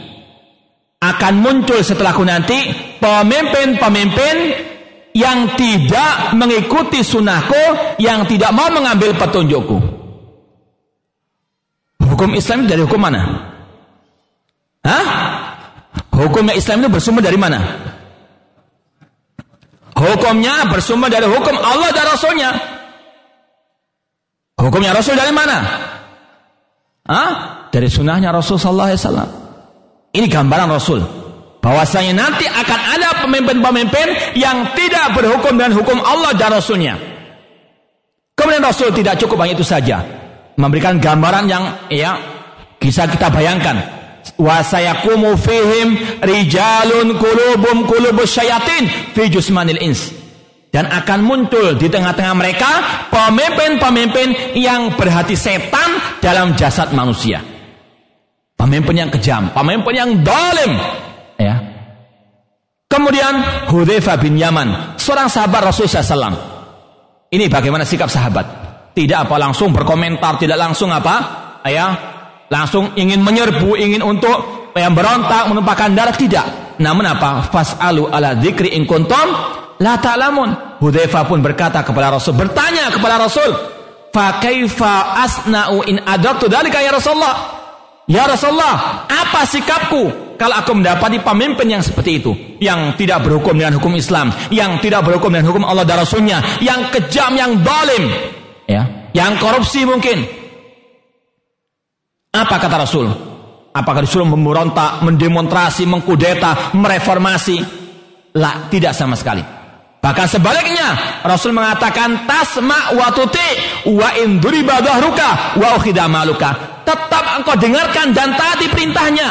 Meskipun dipungkul punggungmu dirampas hartamu. Isma wa ati. Dengar dan taati. Ini sekali lagi kalau kita masih mau apa? Menoleh kepada sabda Rasul. Kalau kita mau menjadi pengikut Rasul ini jawabannya. Ini sikap kita. Jangan kita pakai apa? Akal-akalan. Jangan kita pakai apa? Perasaan. Ya kalau pakai perasaan kayak wanita. Ya dan juga jangan pakai apa? Pakai akal kayak iblis. Ya. Kenapa kok iblis itu dikatakan pakai akal-akalan? Ulama mengatakan awalu man qasa qiyasan batilan fawa iblis. Pelopor pertama kali ya penentangan terhadap perintah Allah dengan akal itu pelopornya adalah iblis. Kenapa? Ketika Allah mintakan iblis untuk sujud kepada Adam, dia main, main apa? Akal-akalan. Ya, khalaqtani min narin wa khalaqtahu min. Ya Allah, aku lebih baik daripada Adam. Aku engkau ciptakan dari api, engkau ciptakan dia dari apa? Akal-akalan. Ya. Makanya kalau kita mau ya, kalau kita tidak ingin jadi pengikut iblis, jangan apa? Iya, jangan mengakal-akali agama. Kita tunduk kepada perintah Allah dan Rasulnya meskipun pahit rasanya. Ya, ada perintah yang dolim, ya, semuanya. Ya, ini menteri-menterinya kayak gini dan begitu. Sudah, ya sabar dulu. Ya, istighfar banyak apa? Ya, kembali kepada Allah Subhanahu wa taala. Jangan main perasaan. Ya, kalau main perasaan, main akal-akalan, itu nanti akibatnya kayak iblis rahmatullahi alaih. Di sini apa? Rasul menjawab bahwasanya bagaimanapun pemimpin tersebut selama dia muslim, meskipun dia tidak berhukum dengan hukum Islam, selama dia masih muslim sekali lagi, kewajiban kita mendengar dan taat kepada pemimpin kaum muslim meskipun dia apa? Dolim. Ya, sabar. Jangan apa kita tergesa-gesa dalam berkomentar, meng eh, mengkudeta, kemudian mencaci maki dan sebagainya. Rasul mengatakan isma wa ati. Dua kali Rasul apa? Menekankan tasma wa tuti. Kemudian fi'il amr isma wa ati dikuatkan, ditekankan lagi oleh Rasulullah. Ini masalah yang apa? Masalah yang besar. Ya, kita ikuti apa? Sabda Rasul sallallahu alaihi wasallam. Jangan kita ikut perasaan saja. Dan sekali lagi hadis-hadis tentang masalah wajibnya mendengar dan taat kepada pemimpin kaum muslimin ini sekali lagi ya kata para ulama ratusan ya lebih dari 100 hadis tentang kewajiban mendengar dan taat kepada pemimpin kaum muslimin. Ya, sekali lagi kalau mau lihat dalam Sahih Bukhari Kitab Al-Ahkam dan Sahih Muslim dalam kitab Al-Imarah. Kemudian poin yang ketiga setelah kita ya menghormati muliakan kemudian mentaati pemimpin kaum muslimin dalam hal yang ma'ruf bersabar atas kedoliman pemimpin kaum muslimin. As-sabr. Bersabar. Bersabar dalam artian menjaga lisan, menjaga anggota badan dari hal-hal yang tidak dicintai dan diridhoi oleh Allah Subhanahu wa taala.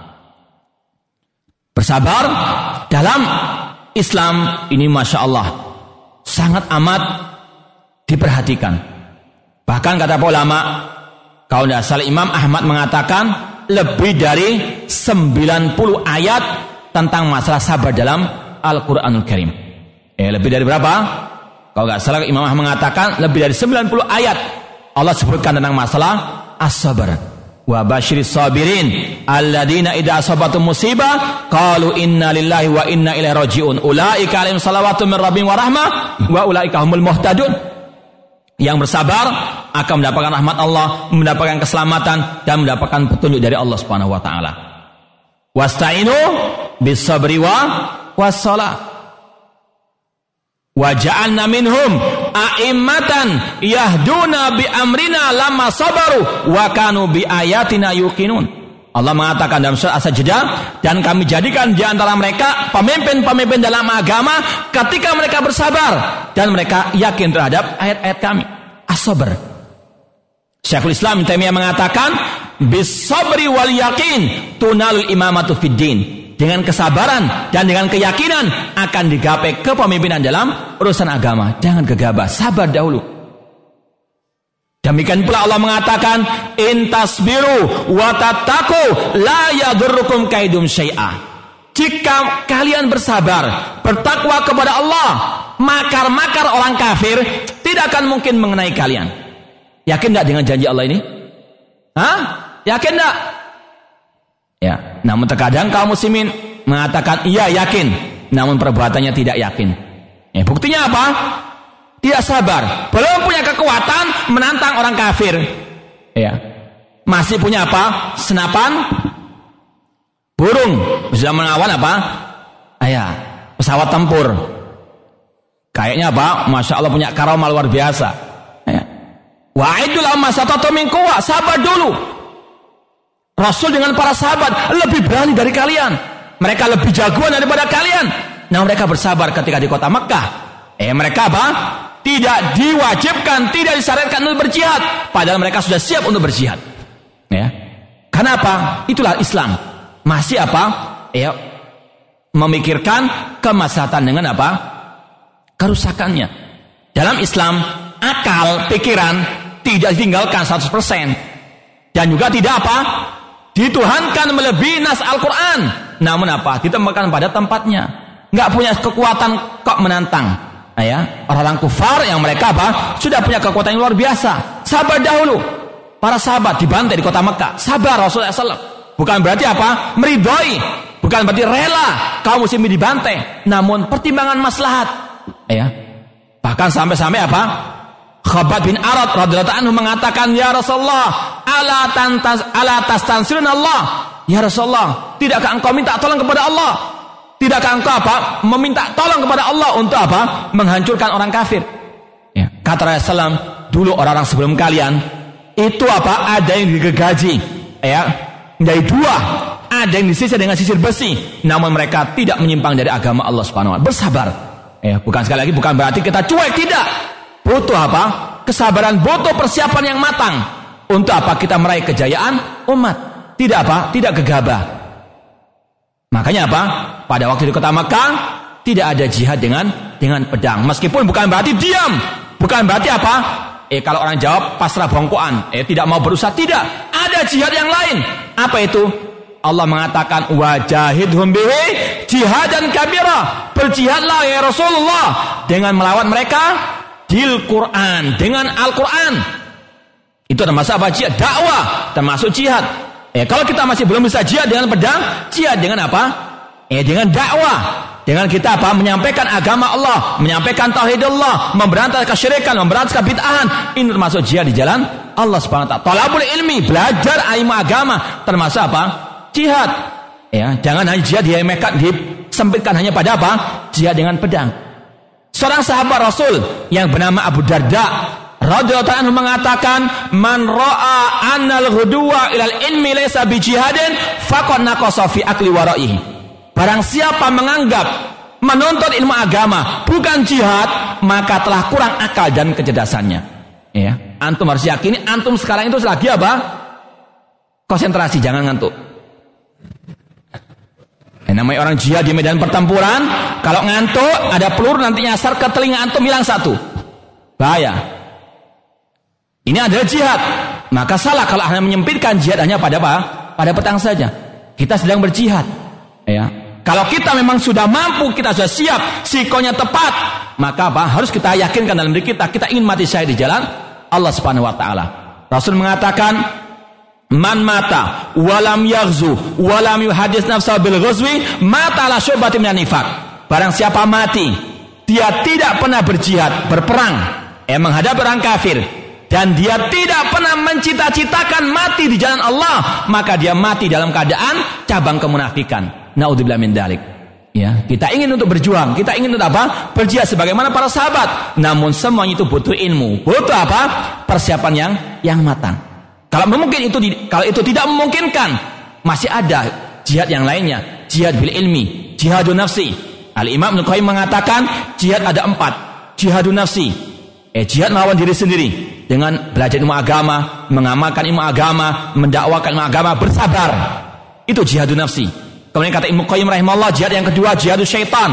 Dengan kita apa? Bersabar menahan syahwat dan eh, dan syubhat dan kita lawan dengan al ilmu was sabar, jihad syaitan, jihad melawan syaitan. Yang ketiga, jihad melawan orang kafir, melawan orang munafikin dengan hati, dengan lisan, dengan ya anggota badan, dengan jiwa raga dan dengan ya harta yang kita miliki. Kemudian yang keempat, jihad melawan pelaku kemungkaran, kebid'ahan dan kemaksiatan dengan ya kekuatan tangan, anggota badan, dengan lisan dan dengan dengan hati. Itu ilmu kain sebutkan dalam kitab beliau Zadul Ma'ad. Intinya kembali kepada as-sabr. Bahwasanya sabar ini akan mengarahkan kaum muslimin kepada kejayaan. Allah mengatakan intasbiru wa tattaqu la yadurukum kaidum syai'a. Jika kalian bersabar, bertakwa kepada Allah, tidak akan mungkin makan-makan musuh Allah akan apa? mencelakai kalian. Demikian pula dalam ayat yang lain, surat Ali Imran ayat 125. Allah mengatakan intasbiru wa tattaqu wa ya'tukum min fawrihim hadza yumditkum rabbukum bi khamsati alafin minal malaikati musawimin. Jika kalian bersabar bertakwa kepada Allah ketika itu musuh mengepung kalian maka Allah akan menurunkan bala bantuan berupa 5000 malaikat yang diberi tanda oleh Allah Subhanahu wa taala. Itu akan Allah penuhi janjinya kalau kita apa? Intasbiru, bertabar, bertakwa kepada Allah Subhanahu wa taala. Di antaranya apa? Menyikapi pemimpin yang dolim. Atau pemimpin yang tidak kita sukai kebijakan-kebijakannya. Ya. Wajib untuk kita apa? Bersabar. Itu semuanya dalam rangka mendekatkan diri kepada Allah. Ya, itu dalam rangka mentaati Allah dan Rasulnya. Bukan kita bersabar, ya, karena keterpaksaan tidak. Kita sabar itu kita ingatkan diri kita, kita bersabar karena taat kepada Allah dan Rasulnya. Maka kita akan mendapatkan pahala. Ini di antara ibadah kepada Allah.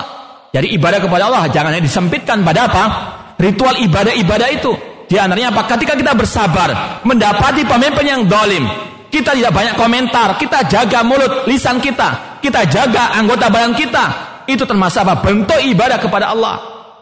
Sebagaimana kata Syekhul Islam Ibn Taimiyah rahimahullah, al ibadatu ismun jami'un li kulli ma yuhibbullah wa yarda min al aqwali wal af'al ad wal batina. Ibadah itu suatu nama yang mencakup semua ucapan, semua perbuatan yang dohir maupun yang batin yang dicintai dan diridhai oleh Allah Subhanahu wa taala. Kita, ketika kita bersabar, maka itu adalah bentuk ibadah kepada Allah. Eh, dan insya Allah kita akan mendapatkan pahala di sisi Allah Subhanahu Wa Taala. Rasul SAW bersabda dalam hal ini dalam Sahih Muslim beliau mengatakan man ra'a min amiri syai'an yakrahu falyasbir barang siapa yang melihat dari pemimpinnya yang tidak dia sukai falyasbir maka bersabarlah ya memang sekali lagi pahit namun inilah ya harus kita jalankan, bersabar. Rasul mengatakan, ajaban li amil mu'min, inna amra kullau khair, walaysa li ahadin illa li mu'minin. Istimewa, ya urusan keadaan orang mukmin.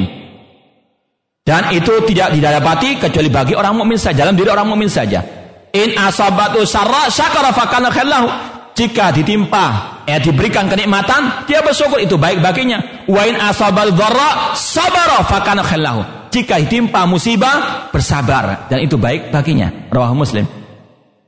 Rasul mengatakan, apabila seseorang di antara kalian melihat yang tidak dia sukai dari pemimpinnya, fal yasbir, bersabarlah. Fa innahu man faraqal jama'ata shibran famata famitatan jahiliyah. Karena barang siapa yang memisahkan diri dari barisan kaum muslimin, kemudian dia mati, maka dia mati dalam keadaan jahiliyah. Naudzubillah min dalik. Maka sekali lagi bersabar. Ada kebijakan pemerintah ya yang kita tidak sukai, sabar ya. Kemudian para ulama mengatakan pemimpin yang dolim itu merupakan musibah dan kita telah tahu bersama namanya musibah sebabnya dari mana? Dosa-dosa manusia itu sendiri. Ma asabakum min musibatin fabima kasabat aidikum wa ya'fu an katsir. Tidaklah musibah itu menimpa diri kalian kecuali karena sebab dosa-dosa kalian. Dhahara al-fasadu fil barri wal bahri bima kasabat aydin nas liyudhiqahum ba'dalladhi amilu la'allahum yarji'un. Telah nampak kerusakan di daratan maupun di lautan itu sebabnya kata Allah, bima kasabat aidinas karena sebab tangan-tangan manusia itu sendiri. Untuk Allah menimpakan sebagian dari dosa yang mereka lakukan, hikmahnya la'allahum yarji'un. Agar mereka mau kembali kepada jalan Allah, kembali kepada tauhid Allah untuk beribadahnya kepada Allah semata. Nah, di sini ingin kita bacakan ucapan emas seorang ulama tabi'in yang bernama Imam Al Hasan Al Basri rahimahullah taala. Beliau mengatakan, Wallahi, lau anna nasa ubtulu min kibali sultanihim fasabaru ma labisu an yarfa'allahu dhalika anhum. Demi Allah, seandainya manusia itu ditimpa musibah berupa pemimpin yang dolim, kemudian mereka bersabar, maka demi Allah kata Imam Al Hasan Basri akan segera Allah entaskan musibah tersebut dari mereka. Walakinnahum fazau ila saif akan tapi mereka lebih suka untuk menghunuskan pedang, menumpahkan darah, memberontak, mereformasi, melengsarkan pemimpin. Fawallahi maja'u biyaumin khairin qat. Maka demi Allah, ketika mereka mau memberontak, ketika mau melengsengkan, mereformasi, maka mereka tidak akan bisa mendatangkan suatu hari yang lebih baik daripada hari sebelumnya. Dan itu yang terjadi sekarang di sebagian negara kaum muslimin. Di Mesir misalnya, ketika kudeta terhadap Husni Mubarak, apa selesai perkaranya? Diangkat Muhammad Mursi. Selesai permasalahannya? pertumpahan darah, berapa ratus darah kaum muslimin yang ditumpahkan.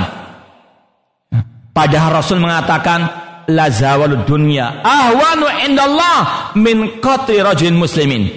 Hancurnya dunia ini itu masih lebih ringan di sisi Allah dibandingkan pembunuhan satu orang muslim. Ya. Presiden kafir atau afan presiden yang korupsi misalnya. Ya. Korupsinya itu tidak sebanding dengan apa? Pembunuhan seorang muslim. Darah orang muslim lebih mahal dari dunia dan seisinya. Apalagi cuma Indonesia. Maka inilah ya pandangan yang sangat jauh dari para para ulama. Sekali lagi, adanya kudeta itu akan mendatangkan hari yang lebih jelek daripada sebelumnya. Sekarang contoh yang konkret di negeri kita, adanya reformasi tahun berapa itu? Sudah lahir semua kan? Alasannya apa? Karena korupsi pada waktu itu kan. Apakah saya reformasi hilang korupsi? Hah? Ya, muncul garis tambunan. Ya kan? muncul para koruptor. Tidak akan selesai permasalahannya karena itu bukan solusinya. Kemudian pada zaman dahulu kalau kita eh kalau nggak tahu kalau di sini ya, kalau di Jawa itu sering ada truk ya, ada kata-kata yang sangat bijak ya. Apa dosanya itu? Piye kabari? Enak zamanku toh? Pernah lihat enggak? Ya. Kalau kita mau objektif, itu yang memang harus kita akui. Saya masih ingat dulu masih SD itu orang tua sering melihat berita eh, dunia, dunia dalam berita. Biasanya jam 9 malam itu kan. Itu saya masih ingat sekali. Orang tua mengatakan, Alhamdulillah negara kita aman nggak ada demonstrasi. Waktu itu kan banyak demonstrasi di luar negeri sana. Sekarang gimana demonstrasi? Ada atau tidak? Hah? Kulayom tiap hari. Itu akibat reformasi. Ya kan? Demikian pula ya, kalau kita perhatikan kelompok teroris misalnya zaman dahulu apa ada seperti sekarang ini? Berkenaan di mana-mana? Tidak ada. Reformasi gara-garanya.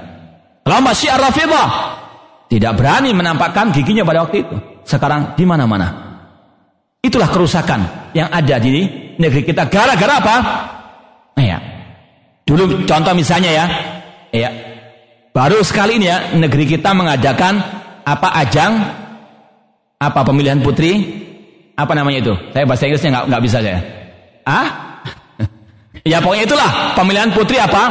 Putri, putri telanjang, putri enam, ahli neraka. Eh, karena Rasul mengatakan kan, ya sinfani min ahli nar dua golongan dari ya penghuni api neraka lam alahuma ya siya nisaun kasiatun ariyat zaman sebelum reformasi apa ada seperti itu ditentang habis-habisan rahimahullah bapak pembangunan kita bapak Soeharto ya kita harus akui betul-betul apa bapak pembangunan kita rasakan meskipun namanya manusia tidak ada yang masuk dari kesalahan namun jika dibandingkan dengan sekali lagi era reformasi dengan sebelum reformasi, eh kalau kita mau objektif itu ucapan yang bijak. Ya, kata Bapak Soeharto dalam ya stiker itu piye kabare enak zaman kuto. Jawabannya apa? Bala, benar. Itu yang ya harus kita apa? Betul-betul sampai itu sesuai dengan apa? Ucapan Imam Al Hasan Al Basri. Ketika adanya reformasi itu yang terjadi kerusakan di mana-mana tanpa disadari. Meskipun namanya keren, reformasi, kelihatannya ya era globalisasi ya kita membuka mata sebagainya, namun itu ada talbis daripada iblis ya. Iblis ketika memerintahkan Adam untuk makan eh, buah yang terlarang, dia mengatakan minan nasihin. Aku ada termasuk yang menasihati yang reformasi. Namun apa? Itu ucapan iblis. Ya, ucapannya indah namun penuh dengan racun. Kemudian kita baca ucapan yang indah juga dari seorang ulama Ahlussunnah wal Jamaah yang bernama Al-Imam Ibnu Abil Is Al-Hanafi rahimahullah. Dalam kitab Syarah Aqidah Tahawiyah, beliau mengatakan wa amma luzumu ta'atihim wa injaru li'annahu yatarattabu 'alal khuruj min ta'atihim minal mafasid ada afa ma yasulu min jawrihim. Kata beliau, ketika kita taat kepada pemimpin kaum muslimin, meskipun mereka itu dolim, korupsi, ya, jahat, karena kalau memberontak itu kerusakannya lebih dahsyat, lebih berlipat ganda dari kezaliman mereka. Contoh yang kita sampaikan tadi. Ketika dituduh Bapak Presiden kita korupsi, direformasi. Ya. Antara korupsinya ya dengan kerusakan yang terjadi setelah reformasi lebih dahsyat apa?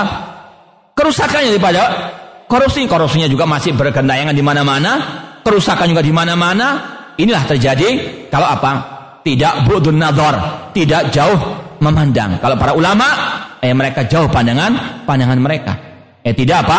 Seperti orang-orang yang haus kekuasaan, Apalagi kita ingat, ya mereka-mereka yang katanya Bapak reformasi, reformasi, tujuannya tidak lain kecuali apa? Ingin mendapatkan kedudukan juga, ya, barisan sakit, sakit hati. Eh, maka apa? Jangan sekali kita jadi korban-korban mereka. Kemudian kata Imam Ibn Abil, Is al-Hanafi, bal fi sabri ala jawrihim takfirus sayiat wa mudha'afatul ujur. Bahkan ketika kita bersabar, itu akan bisa menghapuskan dosa-dosa kita. Sebagaimana musibah yang lainnya. Kalau kita bersabar, akan dihapuskan dosa-dosa kita. Dan akan apa? Diangkat derajat kita oleh Allah Subhanahu wa taala. Bersabar. Fa inna Allah ma sallatam alaina illa li fasadi a'malina. Ini kaidahnya. Tidaklah Allah menguasakan pemimpin yang dolim atas kita kecuali karena kerusakan amal perbuatan kita karena dosa-dosa kita juga. Kalau ada pemimpin yang korupsi yang atas korupsi karena apa? Bawahnya juga banyak korupsi. Sekarang di pasar apa nggak ada yang korupsi? Hah? nggak ada sedikit namun apa? Banyak sekali. Ya. Maka apa? Jangan selalu menyalahkan yang atas yang bawah juga harus apa? Mengoreksi diri wal jaza min jinsil amal. Kaidahnya balasan sesuai dengan amal perbuatan. Adanya pemimpin yang dolim karena kedoliman kita. Ya. Allah berfirman, ya, wa kadzalika nuwalli ba'dadh dhalimina ba'dhan bima kanu yaksibun. Demikianlah kami kuasakan orang yang dolim atas yang lainnya yang dolim karena perbuatan dolim mereka. Sekali lagi Allah mengatakan demikianlah kami kuasakan orang yang dolim di atas yang lainnya yang dolim karena perbuatan mereka yang apa? Yang dolim. Maka sekali lagi jalan keluarnya kata Al Imam Ibnu Abil Is Al Hanafi fa'alaina al ijtihadu fil istighfar wa taubati wa islahil amal. Solusi yang terbaik bukan kudeta, bukan reformasi. Namun solusi yang terbaik sesuai dengan tuntunan Allah dan Rasulnya yaitu kita memperbanyak untuk memperbaiki diri, banyak beristighfar, bertobat kepada Allah Subhanahu wa taala. Kemudian beliau akhiri ya ucapan ini dengan ucapan yang sangat indah yang harus kita pacamkan dalam benak kita, yang harus dipahami oleh kaum muslimin terutama di negeri kita ini. Beliau mengatakan faida aradar ra'iyatu an yatakhallasu min dulmil amir dhalim falyatruku dhulma maka apabila rakyat ingin terbebas dari pemimpin yang dolim, maka kewajiban mereka meninggalkan kedoliman mereka dulu. Sekali lagi, beliau mengatakan, faida aradar rakyatu an yatakhallasu min dulmil amri dhalim falyatruku dhulma. Apabila rakyat ingin terbebas dari kedoliman pemimpin yang dolim, maka hendaklah mereka dulu yang meninggalkan apa? Kezaliman. Karena Allah berfirman innallaha la yughayyiru ma biqaumin hatta yughayyiru ma bi anfusihim Allah tidak akan merubah nasib suatu kaum sampai kaum itu merubah diri mereka sendiri. Itu yang apa? Harus dijalankan. Jangan terus menyalahkan yang di atas yang bawah. Ini yang harus apa? Dibenahi. Sebagaimana Rasul dahulu. Eh Rasul dahulu ketika beliau ditawari kepemimpinan oleh bangsa Quraisy Ya, ketika beliau berdakwah, ditawari kepemimpinan untuk meninggalkan dakwah ini. Beliau tidak mau. Beliau tetap berdakwah dari mana? Dari bawah, bukan dari atas. Maka tidak akan mungkin sukses mereka-mereka yang berdakwah ke eh, di atas sana. Tidak akan mungkin. Bahkan apa sebaliknya? Yuriduna an yughayyiru walakinnahum taghayyaru. Mereka ingin merubah, namun justru mereka yang apa? Yang dirubah. Mereka ingin mewarnai, justru mereka yang apa? Diwarnai. Berapa banyak yang sudah apa? Jatuh berguguran dikarenakan eh kotoran-kotoran sapi. Betul enggak? Eh, Karena apa? Sunatullah. Namanya membangun itu harus dari mana? Apa ada orang bangun rumah dari atapnya dulu? Ya orang ya, orang nggak waras, orang nggak nggak sehat akalnya. Maka sungguh benar ucapan Al-Imam Ibnu Qayyim rahimahullah, "Man bana baitan min sakfihi sakata sakfu ara Barang siapa membangun rumah dari atasnya, dari atapnya, pasti atap itu akan jatuh di atas apa? Kepalanya sudah jatuh ketimpa sapi lagi. Ya. Berat, berat. Ya. Makanya apa? Ya, jalan satu-satunya solusi terbaik untuk ya, memuliakan umat Islam, mengembalikan kejayaan umat Islam dari bawah. Akidah dahulu, ya. Untuk kaum muslimin jauh dari kedoliman pemimpin, fal yatruku dzulma, tinggalkan kedoliman dan kedoliman yang paling dolim apa? Asyirku billah. Inna syirka la azim. Itu yang harus berusaha betul-betul apa? Dikikis, diberantas. Agar kaum muslimin bisa kembali ke dalam kejayaannya sebagaimana pada zaman para as-salafus saleh.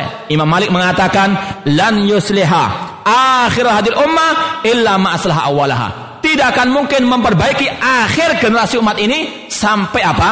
Mereka kembali kepada ya umat yang pertama yaitu para sahabat ar-Rasul SAW. Mereka jaya karena Rasul memondasi mereka terlebih dahulu. Diajarkan tauhid, dikokohkan tauhid mereka, akidah mereka.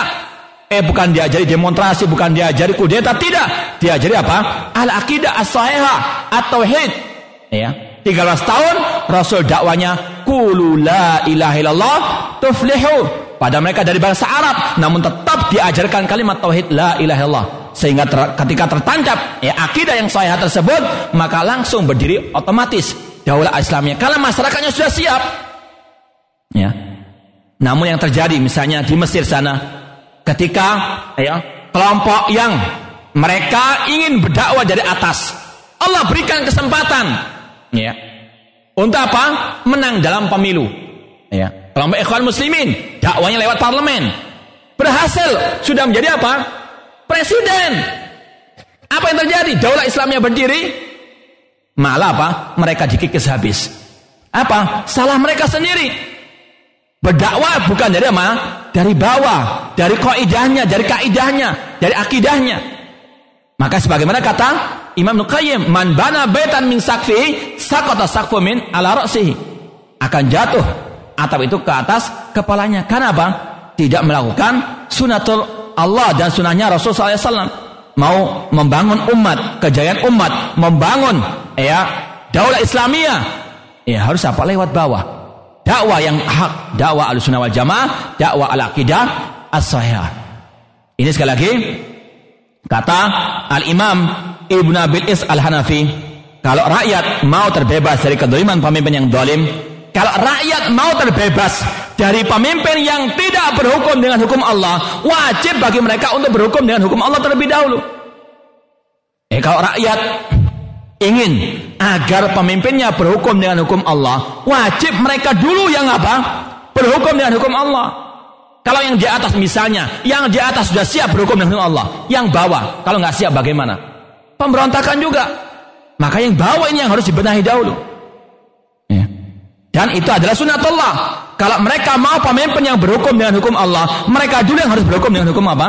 Allah. Dalam masalah akidah, dalam masalah ibadah, muamalah, masalah jihad, masalah dakwah, berhukum dengan hukum Allah.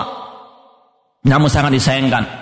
Mereka-mereka yang yang melakukan pergerakan ingin mendirikan jalur Islamiyah berhukum dengan hukum Allah syariat Islam. Contoh misalnya, sebagian kelompok ya, mereka demonstrasi di jalan-jalan. Ya akhwat-akhwatnya masya Allah. Ya spanduk-spanduk. Apakah itu hukum Allah berdemonstrasi? Hah? nggak malu rasanya. Eh perempuan-perempuan apa? Naudzubillah min dalik. Ya dari perempuan jalanan di jalan-jalan begitu ya kan?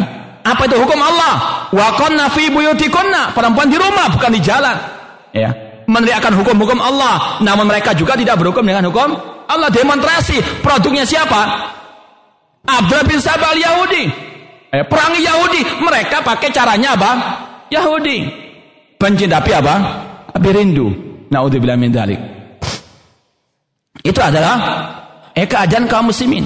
Maka kaum muslimin kalau menghendaki pemimpin itu berhukum dengan hukum Islam, mulai mereka berhukum dengan hukum Islam dalam diri mereka, dalam kelompok mereka, dalam akidah mereka. Ya. Kalau tidak, tidak akan muncul janji Allah intan surullaha yang surkum tolong ag dulu agama Allah dalam diri kalian. Sebagaimana kata seorang tokoh ini ada seorang tokoh haroka yang ucapannya indah namun nggak dipraktekkan oleh anak buah mereka. Akimid daulata fi kulubikum takum ala arjikum.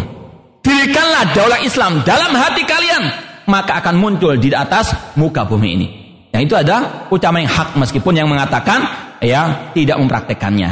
Ya, maka sekali lagi cara yang merubah yang benar ya sebagaimana Allah mengatakan innallaha la yughayyiru ma biqaumin hatta yughayyiru ma bi anfusihim.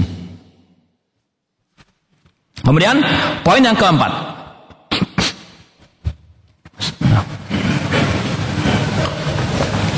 Yaitu an-nasiha liwail amr. Ketika kita melihat pemimpin tersebut berbuat kesalahan, kekeliruan, kewajiban kita menasihati pemimpin kaum muslimin tersebut. Kita katakan pemimpin bukan malaikat, bisa salah, bisa keliru, bisa tergelincir. Apalagi mengurusi negara yang seluas ini. Kita saja mengurusi ketakmiran misalnya masih banyak apa? kekeliruan-kekeliruan.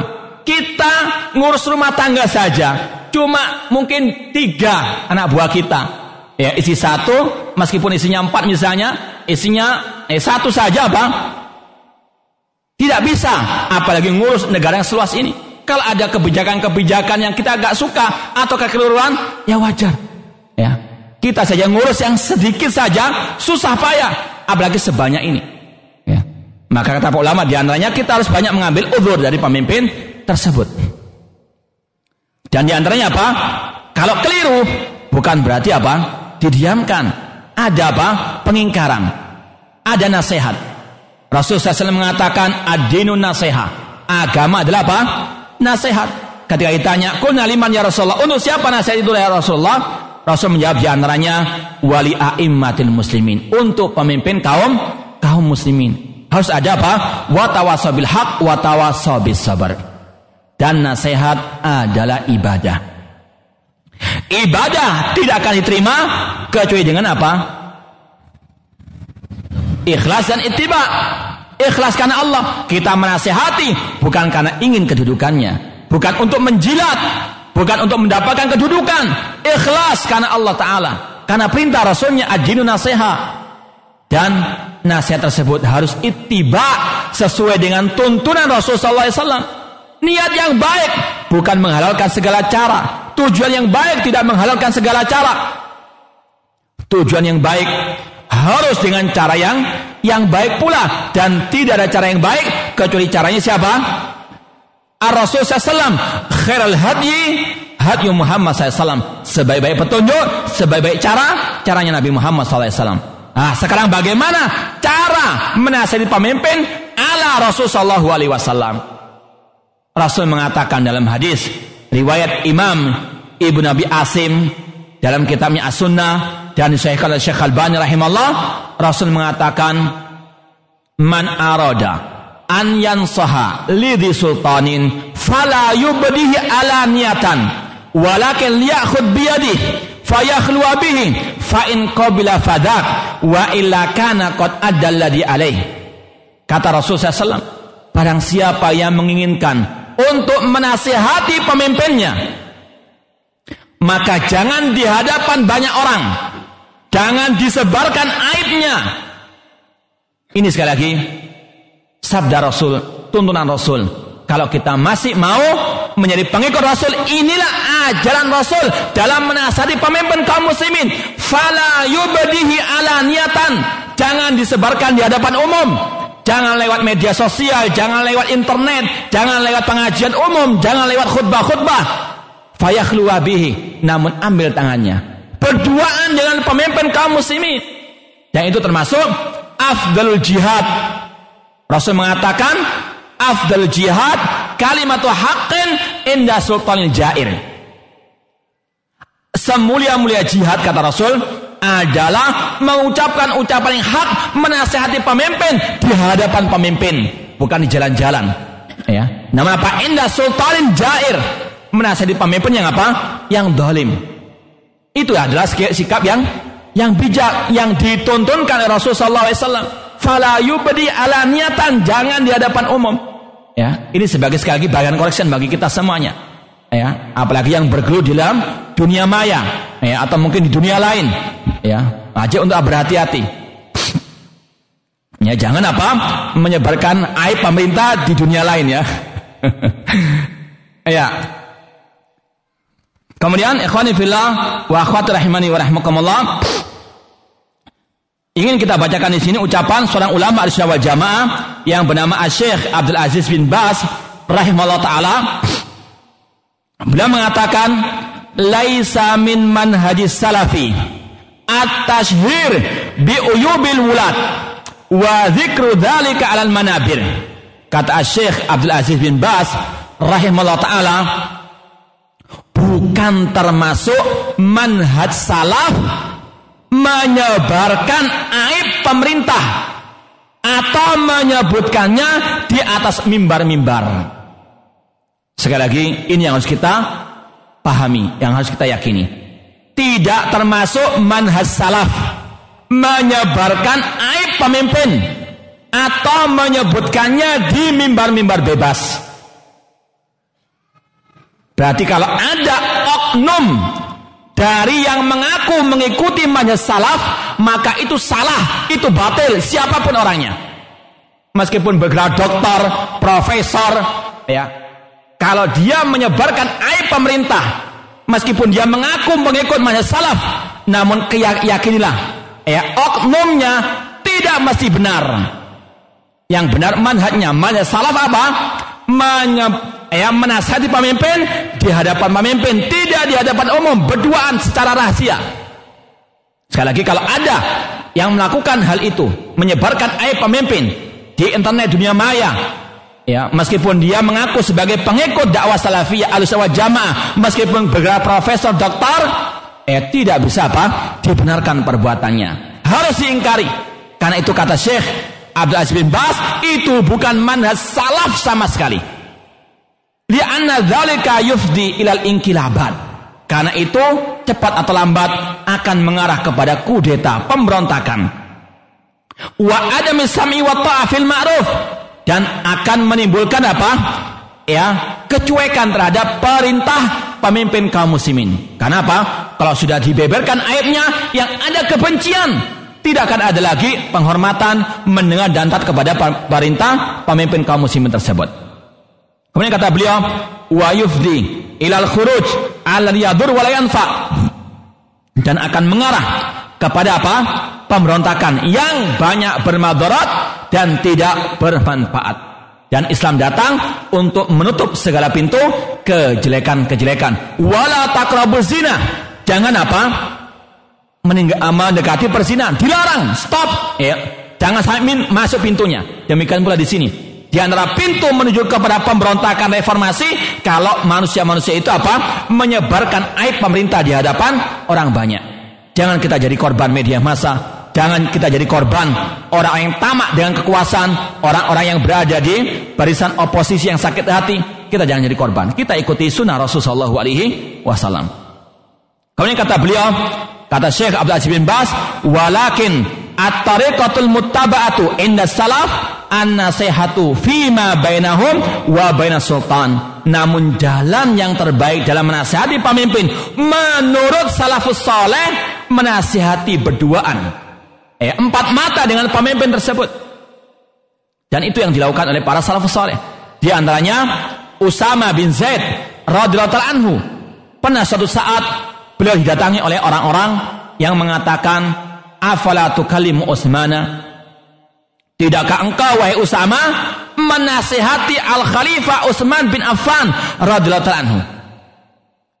Apa kata beliau? Lakot kalam tuh fima baini wa bainahu. Aku telah menasihati dia antara diriku dengannya empat mata. Fala uridu an aftaha babasar. Aku tidak ingin untuk membuka pintu-pintu kejelekan. Ini adalah sikap ya seorang sahabat Rasulullah menasihati berduaan empat mata tidak di hadapan umum. Ya. Dan kata beliau, kalau aku menasihat di hadapan umum, aku akan membuka pintu apa? Pintu kejelekan. Naudzubillah min dalik. Ini sekali lagi sikap ahlu sunnah wal jamaah dalam menasihati pemimpin kaum muslimin. Kemudian yang keempat, atau yang keberapa? Kelima. Atau kata kita teruskan sedikit ucapan Syekh Abdul bin Bas. Wal kitabatu ilaih.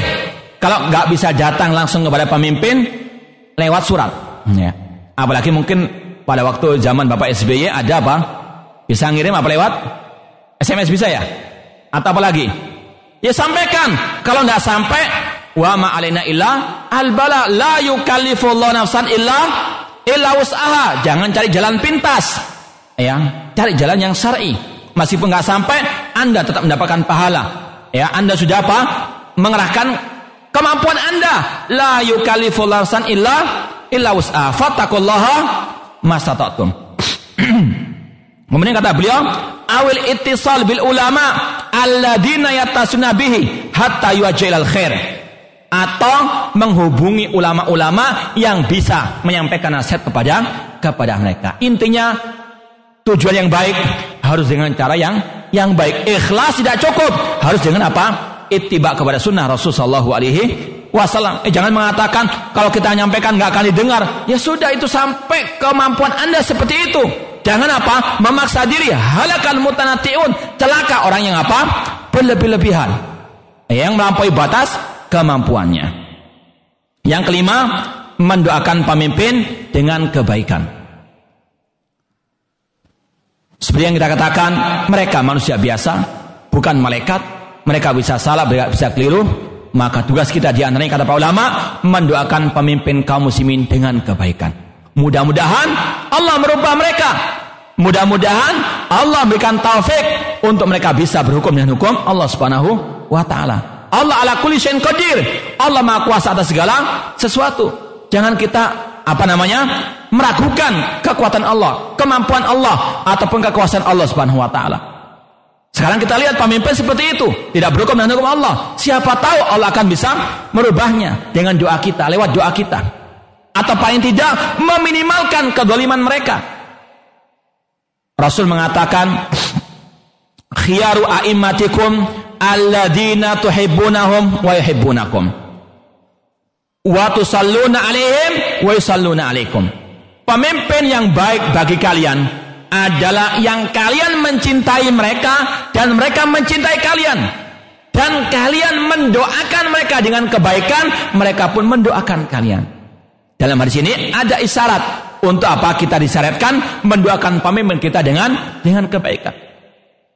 Bahkan prinsip seperti ini kata para ulama ahli sunnah merupakan garis pemisah antara ahli sunnah dengan ahli bid'ah, antara pengekor eh, kesesatan hawa nafsu dengan pengekor atau pengikut kebenaran ahli sunnah wal jamaah.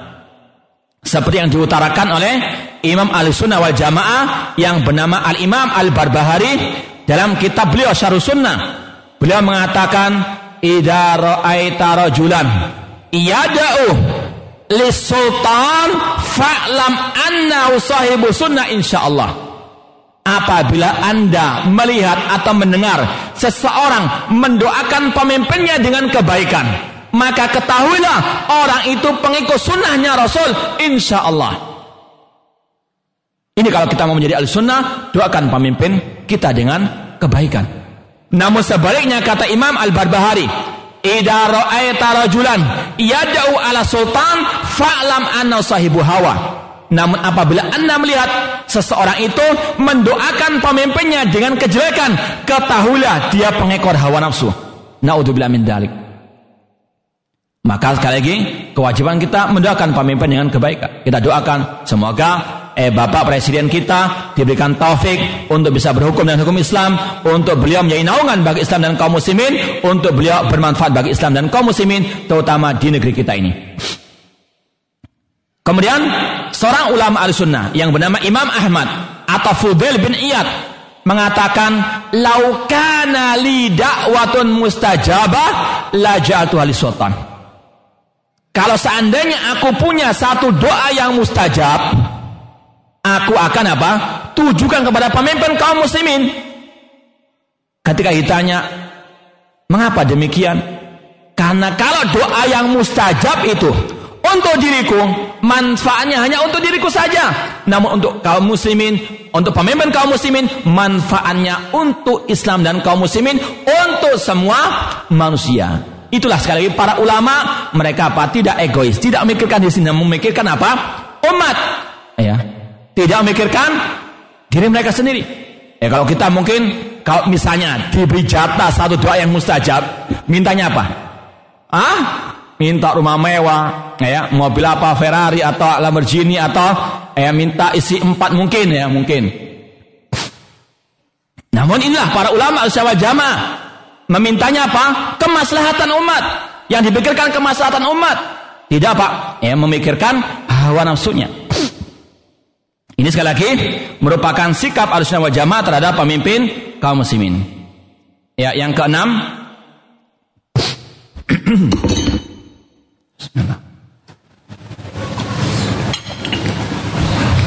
Tidak memberontak terhadap pemimpin kaum muslimin. Ini masih ada keterkaitan dengan yang sudah kita sampaikan tadi, asam wa ta'ah, mendengar dan taat kepada pemimpin kaum muslimin. Para ulama mengatakan memberontak pemimpin itu ada dua macam, dua bentuknya. Al-khuruju bil kauli wal khuruju bil fi'li. Memberontak lewat lisan, ucapan dan memberontak lewat perbuatan. Atau mungkin kalau bisa dikatakan lewat pemikiran dulu. Dan ini yang lebih berbahaya. Memberontak apa? Dengan pemikiran dan ucapan. Kalau dengan perbuatan seperti kelompok teroris ya membunuh aparat karena apa? Mereka ingin mengkudeta, ingin memberontak. Ya.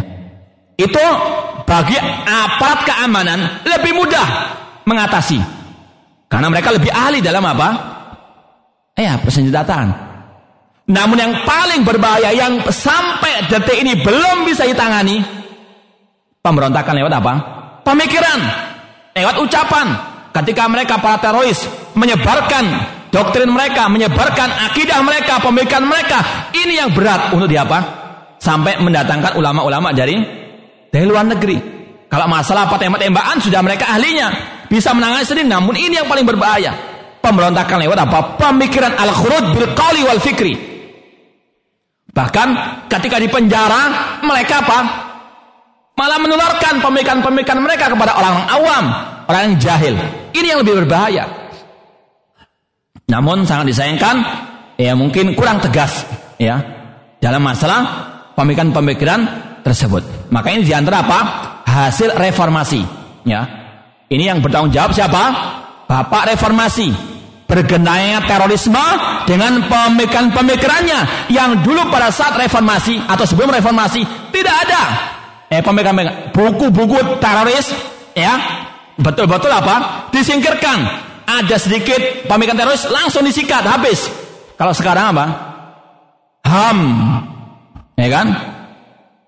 Namun tidak mikirkan. Kemudaratan dibalik semuanya itu.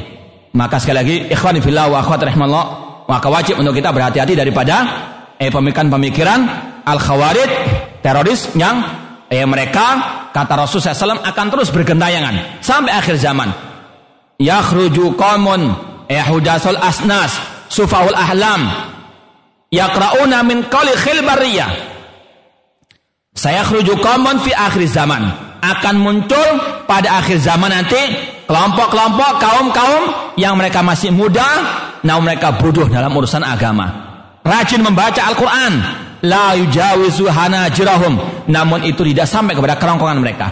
Bacaannya Masya Allah namun tidak paham bahkan kata Abdullah bin Umar radhiyallahu anhuma intalaku ila ayatin fil kufar atau nazal fil kufar wajalu halil muslimin mereka ambil ayat-ayat yang berkaitan dengan orang kafir mereka tempelkan kepada orang-orang muslimin yaitu apa suka mengkafirkan kaum kaum muslimin Pakai ayat wa man lam yahkum bima anzalallahu humul kafirun.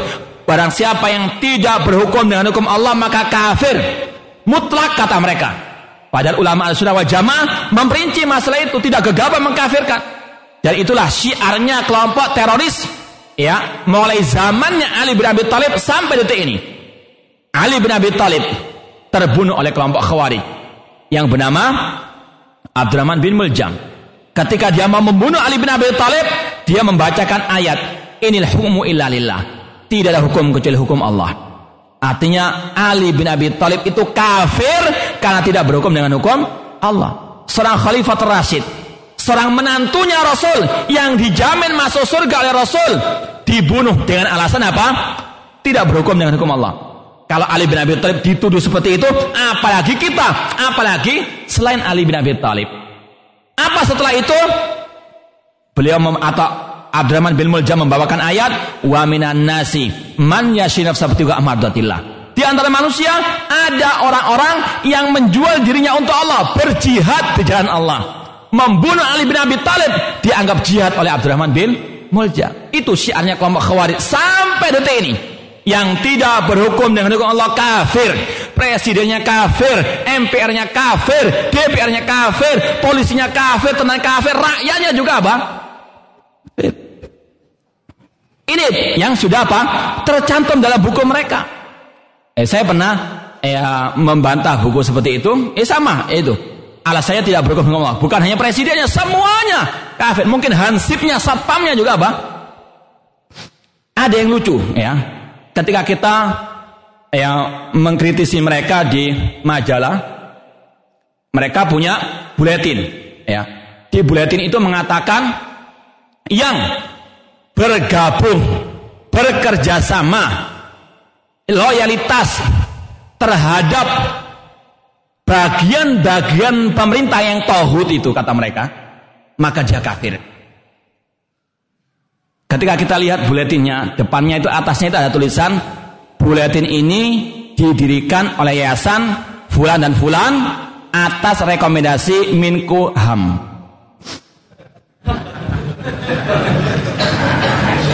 Jadi gampang sekali untuk membantah mereka. Kalian mengatakan yang bekerja sama, yang ikut ya nimbrung di bagian pemerintah Hud kafir murtad. Kalian berarti apa? Tapi masya Allah ya cuma itulah al bidah atau orang sesat nggak mengakui kesalahan mereka. Bulan berikutnya tampil bulan tersebut tanpa tulisan tadi. Namun nggak gentle ya kan nah, itulah kontradiksi mereka ya intinya Itulah kelompok Al-Khawarij, teroris, suka memberontak, ciri mereka itu. Masalah hukum-hukum Allah, eh mereka berlebihan dalam menyikapinya. Yang tidak berhukum dengan Allah mutlak kafir. Ulama isunya tidak demikian, ada perincian-perinciannya. Meskipun kita harus apa? Tetap mengingkari selain hukum Islam. Kita katakan hukum Islam yang wajib diterapkan. Itu sikap pertengahan al-sunnah wal jamaah. Bukan seperti orang liberal yang menghalalkan semua hukum-hukum manusia atau eh bukan seperti kelompok khawarij yang mereka berlebihan dalam menyikapi yang tidak berhukum dengan hukum Allah. Kita harus sama jangan pertengahan. Kita yakini hukum Islam yang terbaik, hukum Islam yang wajib diterapkan. Dan hukum Islam jangan disempitkan hanya hukum pemerintahan. Hukum Islam mencakup semua bidang kehidupan manusia. Namun kalau ada yang tidak berhukum dengan hukum Islam, tidak langsung apa? Dikafirkan. Contoh kata Syekhul Islam Taimiyah rahimahullah, Raja Najasyi. Ya, Beliau masuk Islam. Namun apa? Tidak sanggup menampakkan keislamannya di hadapan rakyatnya. Maka kata beliau, berarti Raja Najasyi dia itu tidak berhukum dengan hukum Islam pada waktu kekuasaannya. Ketika meninggal dunia, apa yang dilakukan Rasulullah SAW? Hah? Disolati sholat apa? Gaib. Kalau seandainya yang tidak berhukum dengan hukum Islam langsung kafir mutlak, maka apa? Nggak mungkin Rasul mensolati Raja Najasi. Itulah kata para ulama menunjukkan tidak semua yang tidak berhukum dengan hukum Allah dikatakan langsung apa? Kafir ada perincian-perinciannya. Eh maka tidak apa? Gegabah. Sekali lagi kita tidak boleh berlebihan, tidak boleh apa? Meremehkan. Rasul SAW dalam hadis Ubadah bin Samit kata Ubadah bin Samit bayakna Rasulullah SAW ala sam'i wa ta'a fi usrina wa yusrina wa asratin alaina wa alla nunazi al amra ahlahu kata seorang sahabat yang bernama Ubadah bin Samit radhiyallahu anhu kami dahulu pernah membaiat Rasul untuk mendengar dan taat kepada pemimpin kaum muslimin. Dalam waktu susah maupun senang, waktu kita ya, giat ataupun kita malas-malasan, atau dalam keadaan kita ya mendahulukan hak pemimpin di atas hak kita. Kemudian kata Rasul, kata Ubadah bin Samit, wa alla nunazi'al amru alau. Kita dilarang oleh Rasul untuk memberontak terhadap pemimpin kaum muslimin illa antara kufran bawahan indakum minallahi fihi burhan kecuali kalau kalian melihat kekafiran yang nyata pada pemimpin tersebut dan kalian memiliki bukti di sisi Allah taala. Hadis riwayat Muslim. Di sini kata para ulama ijma ulama al-sunnah wal jamaah. Seperti kata Imam Nawawi dalam Syarah Sahih Muslim beliau mengatakan ulama salaf telah sepakat bahwasanya haram mengkudeta pemimpin yang muslim selama dia masih muslim bagaimanapun kejahatannya kedolimannya maka tidak boleh diberontak dilengserkan hukumnya haram. Ijma ulama. Itu kata Imam An-Nawawi rahimahullah ta'ala. Kata pak ulama boleh mengkudeta kalau terpenuhi dua syarat. Ya dua syarat boleh melengserkan dua syaratnya. Pemimpin itu kafir murtad atau dia non muslim itu syarat pertama boleh apa? Melengserkan namun kalau jelas-jelas apa? Kalau misalnya dia dulunya muslim, kemudian murtad pindah agama, atau difonis oleh ulama, bukan juhala. Eh, bukan orang-orang yang baru ngaji kemudian oh kafir kafir tidak, tohut tohut kafir bukan itu.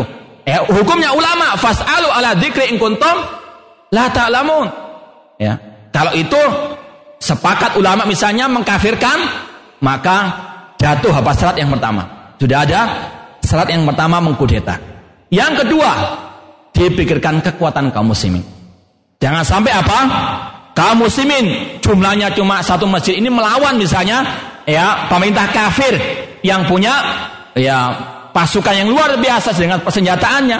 Ya maka apa? Kerusakannya lebih besar daripada kemadaratannya akan dibantai semuanya akan hilang malahan Islam itu. Maka lebih baik bersabar dahulu. Ya maka apa? Syarat orang itu eh syarat boleh mengkudeta kata para ulama dua. Pemimpinnya jelas-jelas kafir. Ya sekali lagi dengan hukumnya para ulama. Yang kedua punya kekuatan dan kerusakannya lebih sedikit daripada apa? Ya kemaslahatannya. Dipertimbangkan kemaslahatan dan kerusakannya. Ini adalah salah satu prinsip dalam dalam Islam. Tidak apa? Eh kalau bahasa kita bonek bondonekat semangat saja tidak Pakai apa? Otak juga. Ya, sekali lagi otak jangan ditanggalkan 100%. Dipakai pada apa? Pada tempatnya. Rasul dahulu tidak membunuh orang munafikin. Kenapa? Pertimbangan maslahat dengan kemadaratan. Kata Rasul, kalau aku membunuh orang munafikin, orang-orang yang di luar sana akan mengatakan Nabi Muhammad membunuh para sahabatnya. Karena banyak nggak tahu siapa munafikin. Rasul tahu kalau Rasul membunuh orang munafik, orang yang di luar sana akan mengatakan ya Nabi Muhammad membunuh para sahabatnya. Orang kafir nggak akan masuk Islam lagi. Karena takut apa? Dibunuh. Pertimbangan masalah dengan mafsadah. Demikian pula Rasul ketika mau merenovasi Ka'bah, mau membangunnya sebagaimana pada zaman Nabi Ibrahim.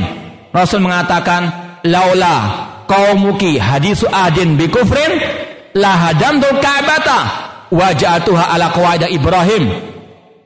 Seandainya kaummu wahai Aisyah bukan termasuk orang muslim yang baru maka aku akan renovasi Ka'bah dan aku jadikan sebagaimana pada zaman Nabi Ibrahim namun dipikir kalau Rasul merenovasi Ka'bah orang-orang yang baru masuk Islam yang mereka dahulunya ya pengagung Ka'bah akan apa mengatakan Rasul bermain-main dengan Ka'bah? Khawatir apa mereka murtad lagi. Rasulullah nggak jadi apa? Merenovasi Ka'bah. Pertimbangan masalah dengan masalah bukan asal apa? Serbu serang, ledakkan dan sebagainya. Tidak pakai apa? Ya. Namun itulah sekali lagi yang harus betul-betul dijadikan bahan renungan bagi kaum kaum muslimin. Kemudian kita bawakan ucapan Al Imam At-Tahawi rahimahullah dalam Al-Aqidah Tahawiyah beliau mengatakan wala nara al-khuruja ala a'immatina wa injaru kami alusuna wa jamaah tidak memperbolehkan memberontak terhadap pemimpin kaum muslimin meskipun mereka dolim, curang. Ya. Wala nad'u alaihim. Kita tidak mendoakan mereka dengan kejelekan. Wala nanzi'u yadan min ta'atihim. Kita tidak boleh melepaskan ketaatan kita kepada mereka. Wa nara faridatan dan kita yakini atau malam ya'mur bimasiyah kita wajib mentaati mereka selama dalam memaksiat dalam selama tidak memaksiati Allah Subhanahu wa taala. Wa nara ta'atahum min ta'atillahi faridah. Kita yakini mentaati mereka itu merupakan kewajiban yang Allah bebankan kepada kita dan hukum-hukumnya wajib. Ya. Wala da'ulahum bisalahi wal mu'afa dan kita doakan mereka dengan kebaikan dan dengan keselamatan. Ini ucapan Ahlussunnah wal Jamaah yang termaktub dalam akidah atau hawiyah. Tidak boleh memberontak. Kemudian yang kedua, wajib mentaati mereka dan yang ketiga, diharamkan mendoakan mereka dengan kejelekan, namun mendoakan mereka dengan apa? Dengan kebaikan. Itu sikap Ahlussunnah wal Jamaah yang dikatakan Imam atau Hawi rahimahullah taala. Yang terakhir yang ketujuh, ya ini kesepakatan dengan panitia, kita selesai kajian materi ini sampai jam setengah dua belas. Soal setelahnya insya Allah tanya jawab. Ini tinggal yang terakhir yaitu melaksanakan sebagian ibadah bersama pemimpin kaum muslimin.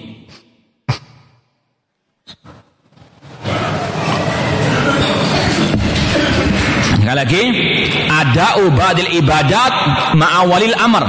Melaksanakan sebagian ibadah bersama pemimpin kaum muslimin. Di antaranya jihad, yaitu jihad talab, menyerang orang kafir itu harus bersama pemimpin kaum muslimin. Bukan dengan apa? Pemimpin gerakan bawah tanah. Bukan dengan ya pemimpin pengajian. Ya. Namun dengan apa? Pemimpin kaum muslimin. Entah presiden atau raja ataupun mengkhalifah. Dalilnya apa? Dalam Sahih Bukhari, Rasul mengatakan innamal imam junnatun yuqatalu min waraihi. Sesungguhnya pemimpin kaum muslimin, al khalifah, raja atau presiden itu adalah perisai bagi kaum muslimin untuk mereka apa berjihad melawan orang-orang kafir. Rasul mengatakan idastun firtum fanfiru Apabila kalian diperintah oleh pemimpin kaum muslimin untuk berangkat jihad, maka berjihadlah. Kata Syekh Muhammad bin Salih rahimahullah, jihad itu ada dua jihad ya, ada dua macam hukumnya. Ada yang fardu kifayah, ada yang fardu ain. Di antara bentuk jihad fardu ain itu, kalau ada ya seseorang misalnya atau sebagian orang langsung diperintah oleh pemimpin kaum muslimin Orang-orang inilah yang wajib fardu ain untuk berangkat jihad. Yang lainnya apa? Yang lainnya tidak. Ini berarti apa? Jihad menyerang orang kafir harus ada apa?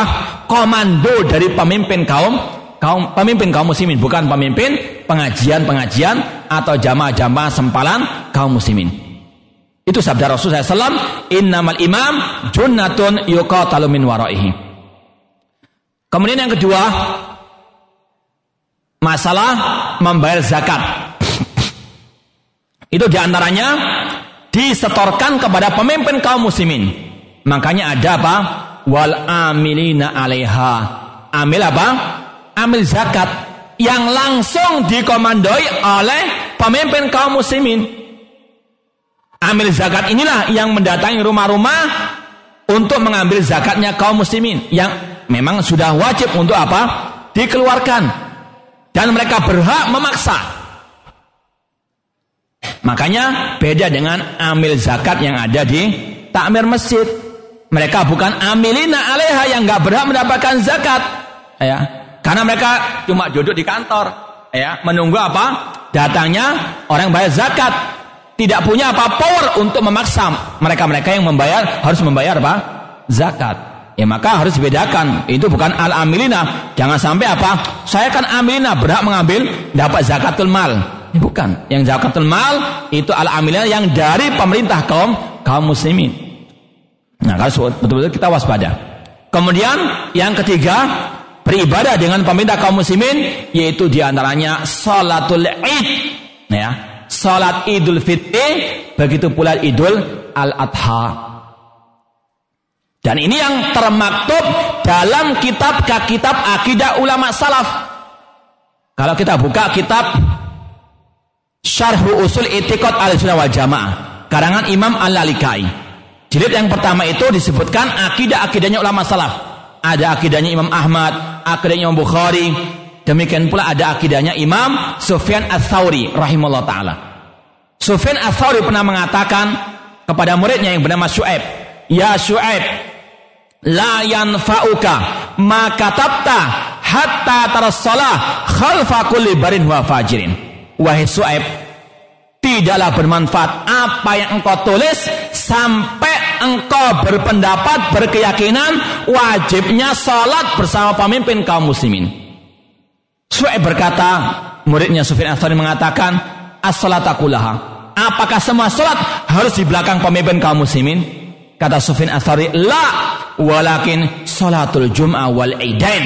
Akan tapi salat Jumat dan Salat Idul Fitri, Idul Adha, waktunya harus bersamaan dengan pemimpin kaum muslimin.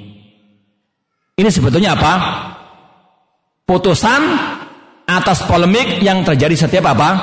Tahunnya. Tidak ada dalam Al-Quran perintah ikut ormas, tidak ada. Atau mentaati ormas tidak ada.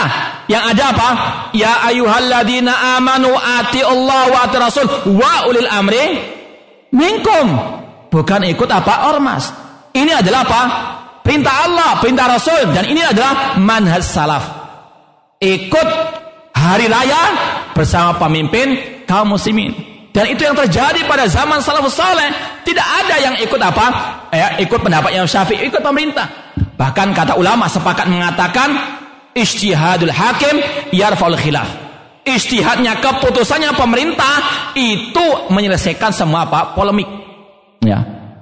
Naudzubillah min dzalik. Namun itulah ya orang-orang yang ya menyimpang dari ajaran Al-Qur'an dan Sunnah pada jelas pada zaman sahabat Abdullah bin Umar mengatakan taro annasu al-hilala.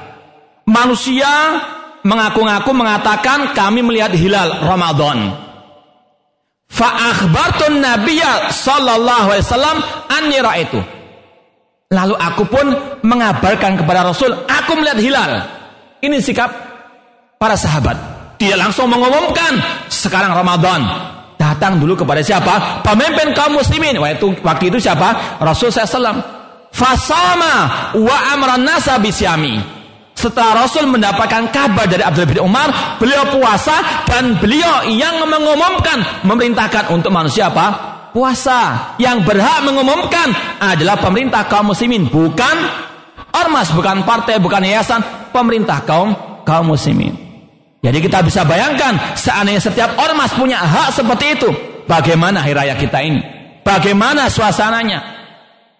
Wala takunu minal musyrikin minal ladina farraqu dinahum wa kanu syiah. Jangan kalian mengikuti jejak orang musyrikin yang mereka memecah belah agama mereka, mereka apa? Bergolong golongan. Ini kita bersatu di atas Al-Qur'an dan sunnah Rasul sallallahu alaihi wasallam. Ya, tepat setengah dua belas kita cukupkan materi ini. Mudah-mudahan bermanfaat. Aku qouli hada wa akhiru da'wana anil hamdulillahirabbil alamin. Kalau mungkin ada pertanyaan, silakan ditulis di kertas. Alhamdulillah wassalatu wassalamu rasulillah wa ala alihi washabihi wa ala ba'd. Ya kita coba untuk menjawab pertanyaan yang sudah masuk Bismillah wa bitaufiq minallahi azza wa jalla. yang pertama pertanyaannya pemimpin di salah satu provinsi adalah muslim yang berasal dari partai muslim. Pertanyaannya sampai sejauh mana tanggung jawab pemimpin tersebut terhadap maksiat yang ada seperti tempat pelacuran, diskotik, bar, restoran minuman dan yang kekerasan. Apakah lebih baik jadi pemimpin atau rakyat di negeri kita ini? Yang pertama, kita katakan Rasul SAW mengharamkan untuk kita meminta kepemimpinan. Rasul mengatakan kepada sahabat beliau Abdurrahman bin Samurah, "Ya Abdurrahman bin Samurah, la tas'alul imarah." Wahai Abdurrahman bin Samurah, la tas'al imarah. Jangan engkau meminta kepemimpinan. Jangan jadi apa? Caleg atau yang lainnya. Ya. Ini apa sabda Rasul SAW? Fa innaha takun nadamatan yaumal qiyamah. Karena meminta kepemimpinan itu akan menjadi penyesalan pada hari hari kiamat kelak. Yang dipikir sebagian orang sekarang ini apa? Dapat kedudukan, kekayaan, mudah, eh berbisnis dan sebagainya. Lupa dengan apa? Tanggung jawab di akhirat kelak. Ya, padahal ini masa yang besar. Itu yang pertama. Namun kalau sudah jadi harus apa? Betul-betul bertanggung jawab bahwasanya kewajibannya sebagai pemimpin man ra'a minkum mungkaran falyughayyiru bi punya kekuasaan larang kemungkaran dengan kekuatannya. Dipaksa untuk apa? Dihilangkan. Ya dengan resiko apa? Ya hilang jabatan dan sebagainya. Karena pada hari kiamat akan diminta apa? Jam kullukum ra'in wa kullukum mas'ulun an ra'iyati kalau diam takut kedudukannya dilengserkan, maka pada hari kiamat pasti akan apa? Diminta pertanggungjawaban oleh Allah Subhanahu wa taala. Jangan enak-enakan sekarang ya ada pengawalnya, ada mobil mewah, rumah mewah dan sebagainya. Namun pada hari kiamat ya akan diminta pertanggungjawaban yang berat di sisi Allah Subhanahu wa taala. Semaksimal mungkin kalau dia jadi pemimpin melarang kemungkaran apalagi kesyirikan. Bukan hanya apa? Bukan hanya maksiat seperti ini menghamar peracuran yang lebih dasar melarang kesyirikan. Eh penyembahan terhadap kuburan-kuburan keramat. Bisa enggak? Hah? Makanya Pak, jangan coba-coba jadi apa? Berat. Nah, tanggung jawabnya di hari kiamat kelak. Jika pemimpin kita kaum kufar, bagaimana cara kita mentaatinya? Sudah kita sampaikan, secara asal pemimpin kafir tidak layak jadi pemimpin kaum muslimin. Ya, itu sudah ada syarat untuk dikudeta. Namun harus pikirkan yang kedua, masalah dengan mafsadahnya. Namun kalau tidak bisa, apa sikap kita? Ya sudah dengan keterpaksaan kita apa? Sabar. Ya, untuk apa? Mentaatinya dengan apa? Dengan niat bukan mentaati Allah dan Rasulnya dalam artian karena keterpaksaan tersebut untuk membendung pintu apa? Kerusakan yang lebih besar lagi. Namun tetap kita apa? Berusaha untuk eh, mencari solusi yang terbaik ya intasbiru wa tattaqu la yadurukum kaiduhum syai'a. Tadi Ustadz mengatakan Bapak bap, eh, Bapak Presiden kita yakni Bapak Joko Widodo hafidahullah. Apakah yang dimaksud beliau adalah seorang hafid Al-Qur'an? ya tidak apa-apa yang ditawakan orang bertanya kok. Ya, hafidahullah itu doa yang artinya semoga Allah menjaga beliau. Ini doa apa? Kebaikan untuk beliau. Seperti para ulama. Asyikh Ali bin Hasan hafidahullah. Itu apa? Doa kebaikan untuk mereka. Para ulama dan para apa? Al-umara juga. Ya. Pernah satu saat ini juga lucu. Seorang takfiri yang katanya sekarang ini berangkat ke ISIS sana katanya gabung. Dia pernah mendatangi majelis saya. Kemudian tiba-tiba mengatakan Ya. Mengapa engkau mengatakan Bapak SBY hafizahullah? Kenapa enggak mengatakan hadahullah? Eh saya jawab, mengapa atau apakah ada dalil yang membedakan antara keduanya? Dia mengatakan, ya sudah jangan bicara mas ini juga. Stop sudah. Karena apa nggak berdalil ucapannya? Ya. Jadi yang penting doa yang baik terhadap pemimpin kaum muslimin. Eh, namun intinya itulah ya keajaiban orang-orang arokah atau pergerakan atau takbiriyun.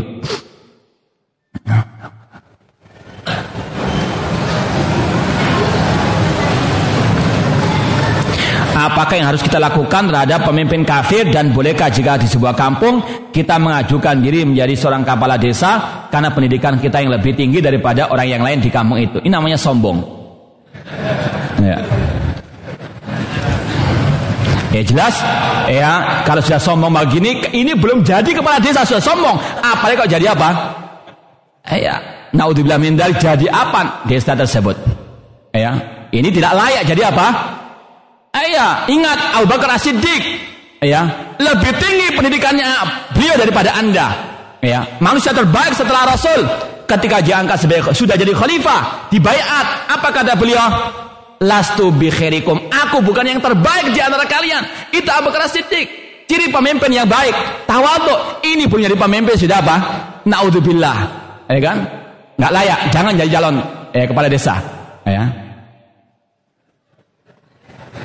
ada pondok pesantren yang bermanhaj salaf Sholat hari raya menyelisih pemerintah. Bagaimana Ustadz? Eh, sudah kita katakan bahwasanya manhaj salaf itu yang hak maksum dari kesalahan. Namun person-personnya, yayasan-yayasannya, mahat-mahatnya tidak selalu apa? Maksum dari kesalahan.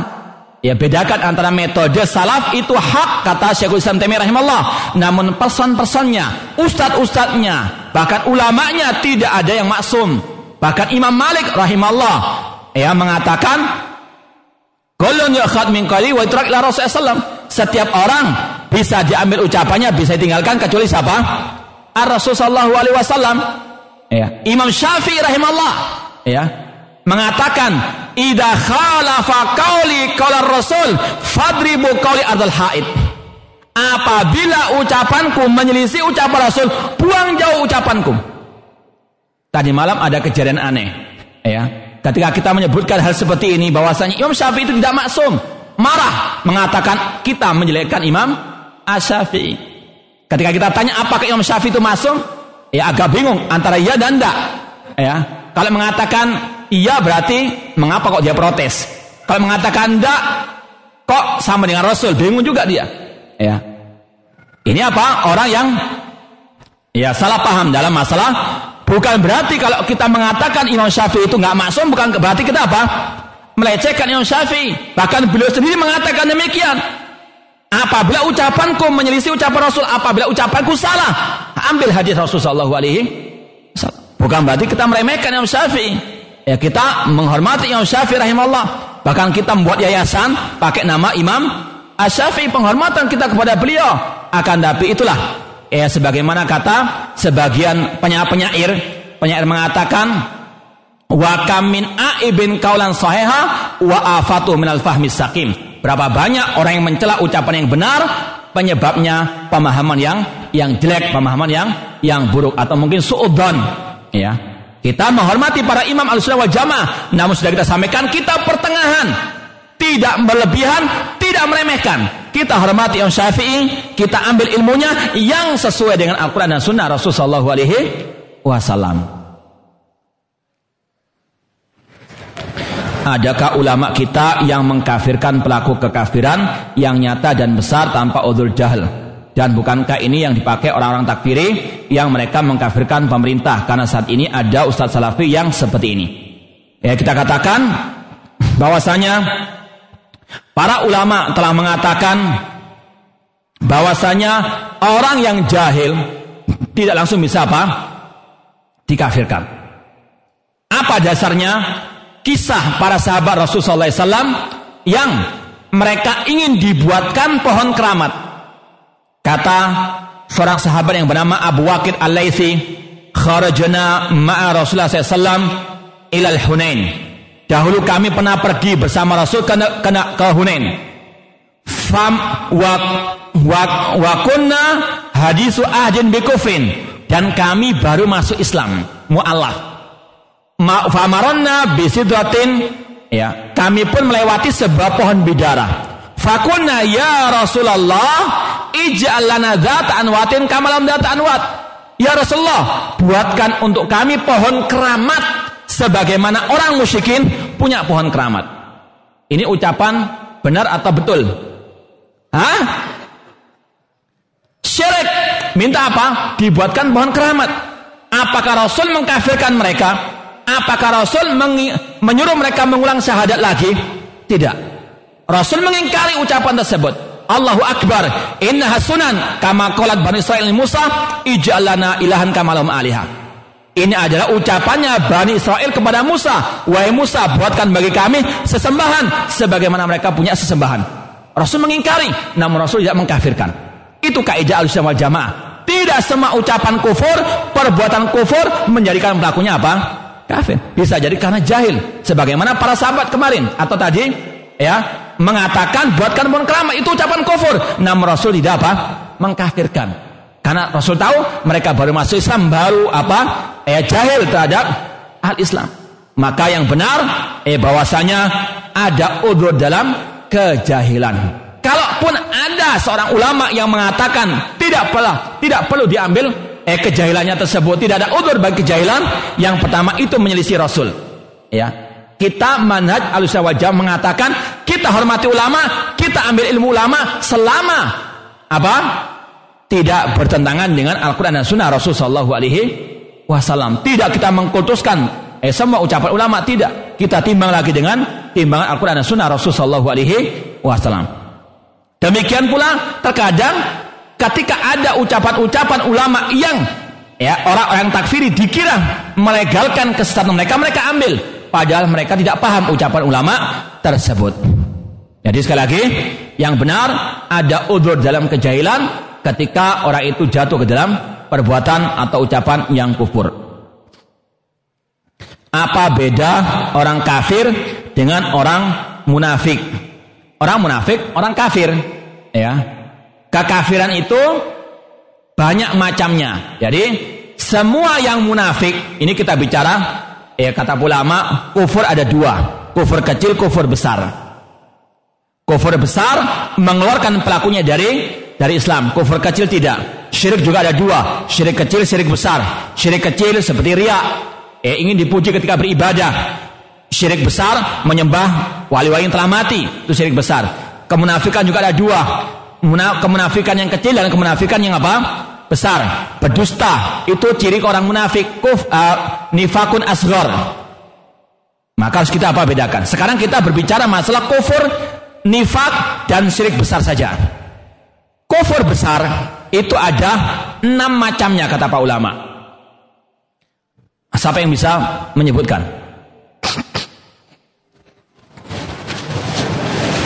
Biar nggak ngantuk. Tidak ada yang tahu? Ya, yang pertama kufur juhud. Kufur juhud yaitu kufur yang mendustakan dengan lisan, mengkufuri dengan lisan, hati meyakini. Seperti kufurnya Fir'aun Fir'aun ketika mengatakan ana rabbukumul a'la, dia itu tahu dia salah. Ya. Dia yakin Allah itu ada. Cuma dia apa? Sombong. Dia dolim. Dari mana kita tahu kalau Fir'aun itu meyakini tentang Allah Subhanahu wa taala? Dari firman Allah, wajahadu biha wastaiqanatha anfusum dulman wa uluwa mereka Fir'aun dan kaumnya dan pengikutnya mendustakan dengan lisan namun hatinya wastaiqonat anfusum hati mereka yakin tentang keberadaan Allah namun apa? Karena kezaliman dan keangkuhan kesombongan. Ya. Maka jangan jadi kepala desa yang yang sombong. Nanti seperti Fir'aun sombong. Ya. Jadi itu yang pertama. Kufur juhud. Ada lagi kufur besar yang bentuknya itu at-takzib mendustakan dengan lisan dan dengan apa? Dengan hati. Eh seperti kufurnya orang-orang al-musyrikin. Eh mereka mendustakan Nabi Muhammad dengan hati dan dengan lisan. Yang ketiga, kufur an-nifaq. Makanya kata-kata kita katakan semua munafik itu kafir. Namun enggak semua orang kafir itu munafik. Al-kafir itu lebih umum daripada al-munafik. Karena kekafiran itu ada banyak macamnya. Kemunafikan bagian daripada kekafiran. Yang ketiga apa? Kufur nifak. Apa kufur nifak itu? Apa kufur nifak? Menyembunyikan menyembunyikan apa? Uang? Hah? Menyembunyikan kekafiran menampakkan keislaman. Eh kalau antum tahu munafik zaman sekarang itu kelompok Syiah Rafidah. Itu orang munafikun. Kenapa mereka mengatakan muslim-muslim namun akidah mereka kufur. Mengatakan Al-Qur'an sudah tidak orisinil, mengatakan Abu Bakar, Umar, Utsman, Aisyah dan Hafsah di neraka. Ya. Menuduh Rasul itu apa? Mengkhianati agama Allah karena tidak mau menyampaikan Ali sebagai khalifah sepeninggal beliau. Ini apa? Menampakkan Islam, menyembunyikan apa? kekafiran. Eh makanya orang munafikin zaman sekarang itu yang yaitu antum lihat orang-orang Syiah Rafidah qatalahumullah. Kemudian kekufuran yang keempat yang besar adalah kufur al-istikbar, kesombongan. Seperti kufurnya iblis. Wa id kunna lil malaikati isjudu li adama fasajadu illa iblis aba wastakbara wa kana minal kafirin. Ingatlah ketika kami mengatakan kepada malaikat, sujudlah kepada Adam, mereka sujud kecuali siapa? Iblis aba, sombong, angkuh. Ya, wastakbar wa kana minal kafirin, maka dia apa? Kafir. Yang keberapa? Sekarang yang kelima, kufur al-i'rab, berpaling. Cuek terhadap agama. Hidupnya seperti binatang. Tidak mau tahu agama sama sekali. Yang penting makan, minum, bekerja, ya, melampaikan syahwat. Tidak mau tahu tentang agama Allah Subhanahu wa taala. Ini kufur al-i'rad. Ya seperti orang-orang ateis dan sebagainya. Kemudian yang keenam, kufur syak. Ragu.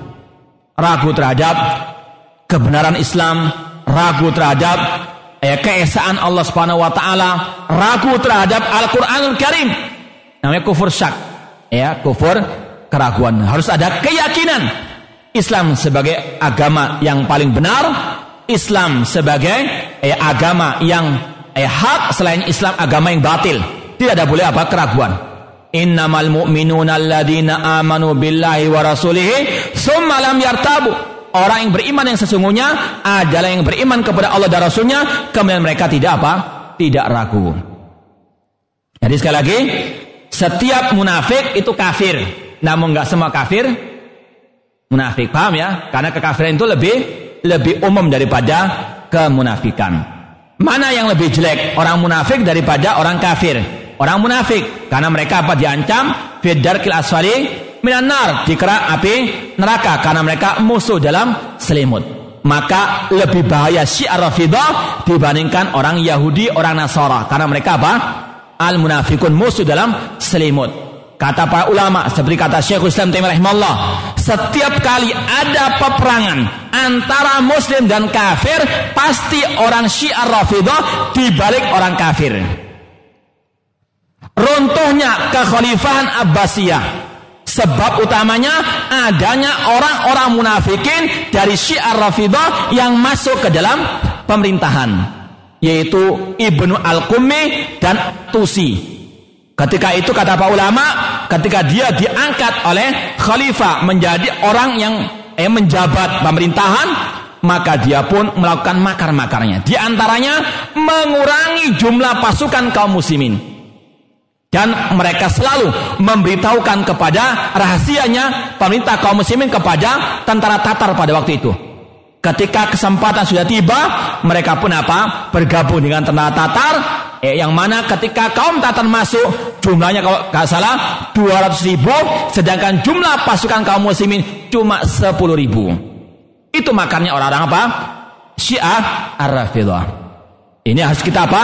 Yakinkan musuh utama adalah Syiah Ar-Rafidah dan juga orang kafir yang lainnya.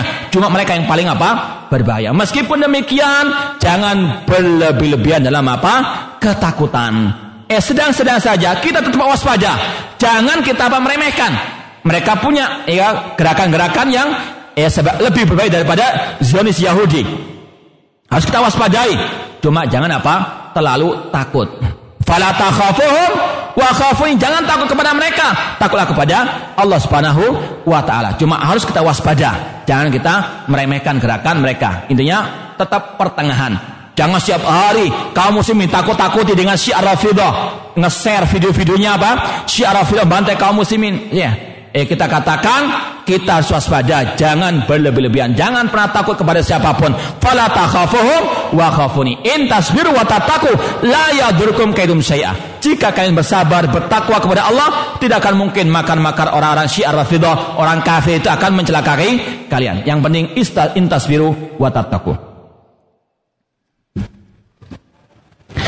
Apakah Abdullah bin Sabah itu mungkin atau munafik atau kafir dua-duanya. Ya munafik ya juga apa? Kafir.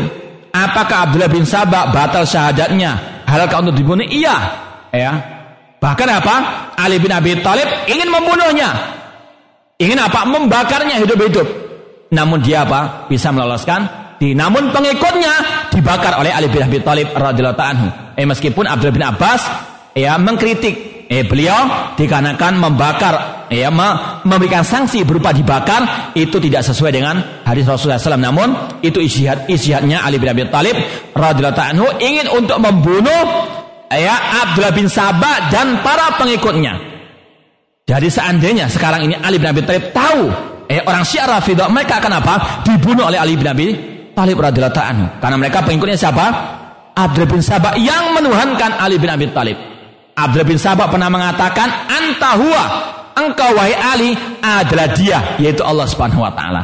Maka Ali pun apa? Membuat parit di ya nyalakan api mereka eh, dimasukkan dalam api tersebut. Namun ya Abdul bin Sabah berhasil loh namun intinya Abdul bin Sabah pada waktu itu halal darahnya oleh Ali bin Abi Thalib radhiyallahu taala anhu. Namun yang berhak membunuh mereka adalah pemimpin kaum muslimin ya kata Al Hasan Al Basri bahwasanya pemerintah kaum muslimin itu membawahi lima urusan kaum muslimin. Di antaranya masalah al hudud masalah apa? Pemberian sanksi. Itu haknya pemerintah kaum muslimin. Kita nggak berhak. Ya kita cuma menasihati memberitahukan wajib untuk apa? Waspada terhadap kelompok syiah ar-rafidah makanya kita serukan kepada pemerintah kita. Kalau pemerintah kita ini gencar memberantas terorisme, maka yang lebih berhak untuk di ya, adalah kelompok Syiar Rafidah. Karena mereka lebih berbahaya daripada kelompok teroris yang ada. Bahkan kalau bisa dikatakan mereka adalah bapaknya teroris di dunia ini. Kelompok siapa? Syiar Rafidah. Bagaimana saudara kita kaum muslimin di Suriah ratusan ribu dibantai oleh siapa? Kelompok Syiah An-Nusairia, kelompok Syiar Rafidah. Sampai sekarang ini sudah hampir tiga tahun mereka apa? Dibantai oleh kaum Syiah Rafidah dan kaum Syiah An-Nusairiyah. Eh bahkan kalau kita lihat sejarah, ya itulah para ulama mengatakan bahwa mereka bukan kaum muslimin sama sekali. Karena mereka sering membantai kaum muslimin. Di mana saja mereka punya kesempatan dan kekuatan.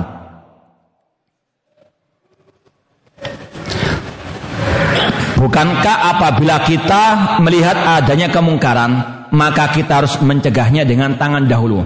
Jika tidak bisa dengan lisan dan yang terakhir dengan hati dengan tidak mengikutinya. Jadi mengapa kita tidak boleh bersuara sambil mengingatkan yang lain atau orang lain atau mungkin maksudnya mengingkari pemerintah lewat apa?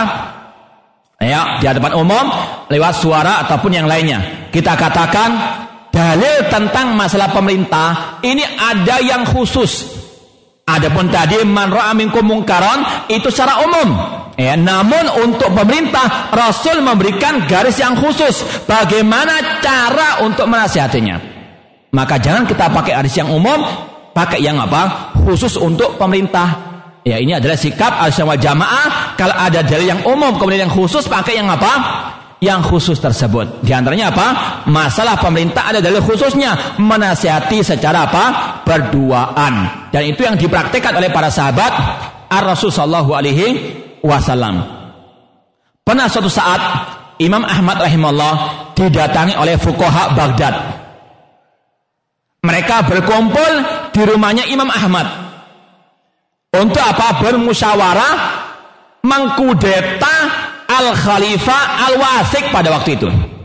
Kata para fukoha tersebut bahwasannya fitnah masalah Al-Quran makhluk itu telah menyebar di mana-mana. Artinya pemerintah pada waktu itu Al Khalifatul Wasik membuat undang-undang buatan, membuat hukum yang kufur. Apa itu? Mewajibkan semua rakyat meyakini Al-Quran adalah makhluk. Padahal Al-Quran adalah apa?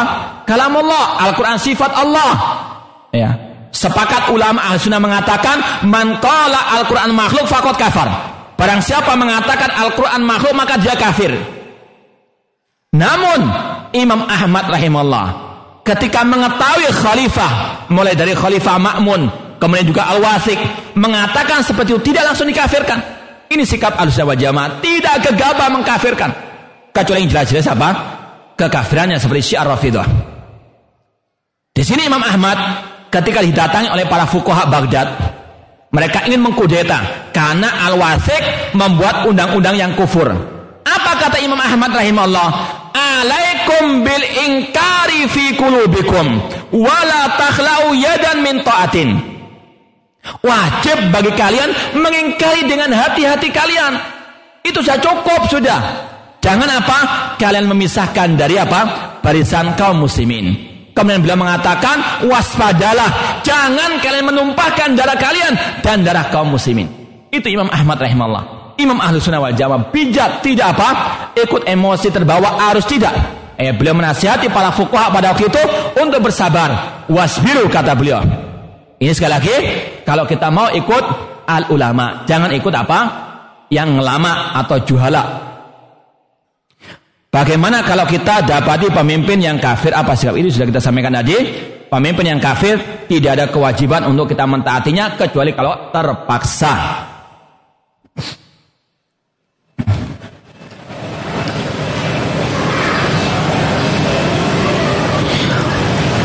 Baru-baru ini Anda dapat info dari khatib bahwa wanita juga wajib sholat Jumat. Benarkah demikian? Atau pendapat yang mana ini? Iya, zaman Rasulullah SAW tidak pernah Rasul mewajibkan wanita apa? Sholat Jumat. Dari mana dalilnya orang seperti ini? Makanya zaman sekarang ini wajib untuk apa? Waspada.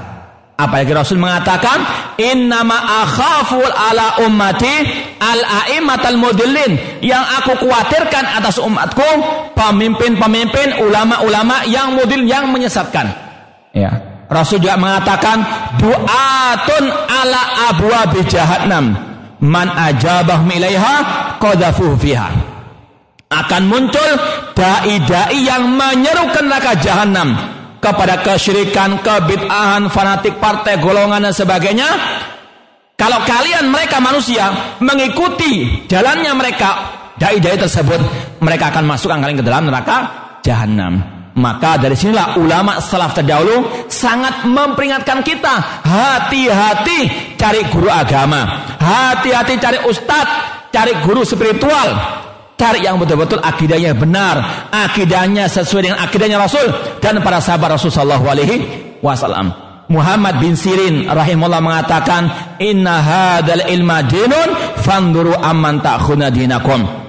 Ilmu agama ini adalah agama itu sendiri. Maka selektiflah, pilihlah, berhati-hatilah dalam mencari apa? Siapa guru agamamu tersebut.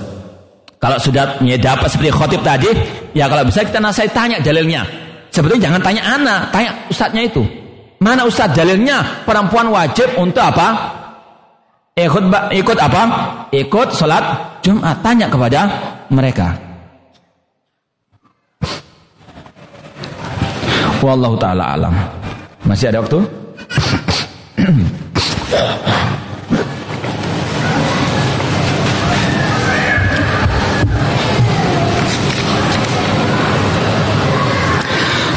Apa maksudnya walaupun pundakmu dipukul, hartamu dirampas, kan negara kita negara negara hukum. Kalau seandainya ada, ini seandainya ada pemimpin yang dolim, ada harta rakyatnya yang dirampas, atau dia dihukum dengan cara yang dolim, seperti misalnya Imam Ahmad tadi.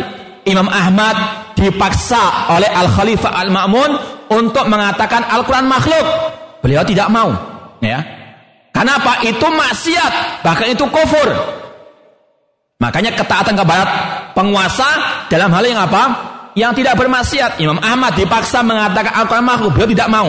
Sampai beliau apa harus dipenjara, dipukul, dicambuk. Namun tetap apa beliau mendengar dan kepada pemimpin kaum muslimin dalam hal yang ma'ruf. Tetap beliau mendoakan Al-Khalifah Ma'mun. Tetap beliau apa? Ya, tidak memberontak, tidak mencaci maki atau melaknat ini sikap siapa? Imam Ahmad rahimahullah ta'ala. Tidak langsung mengkafirkan, padahal itu ucapan kufur. Makanya kaidahnya oleh sunnah jamaah, tidak semuanya ucapan yang kufur, perbuatan yang kufur, menjadikan pelakunya apa? Kafir keluar dari al-Islam. Yaitu pertanyaan-pertanyaan berkaitan dengan masalah materi kita. Ini ada pertanyaan yang eh, di luar materi, namun tidak masalah kalau kita jawab sesuai dengan kemampuan kita. Saya sudah lama terjerat riba dan sampai sekarang karena kondisi keuangan keluarga masih susah, saya belum bisa keluar dari masalah riba ini. Bagaimana saya ingin bertobat? Yang pertama, berusaha sekuat tenaga untuk melunasi, me, ya, menjauhkan diri daripada riba tersebut. Contoh misalnya, minta tolong kepada orang-orang yang punya harta, Untuk istilahnya meminjamkan uangnya kepada kita. Ya, untuk kita bisa melunasi ya beban riba tersebut agar kita selesai permasalahan daripada riba. Kemudian kita apa? Mulai untuk ya mencicil ya membayar utang tersebut. Jangan utang kemudian nggak bayar, jangan. Ya, jangan mengatakan ya senjatanya afan-afan saja, jangan. Berusaha sekuat tenaga. Ya. Namun apa itu solusi yang terbaik? Eh kita betul-betul berusaha untuk apa? Menghilangkan dari riba dan kita betul-betul ya bertekad tidak mengulangi lagi memakan harta riba atau uh, bermuamalah dengan riba.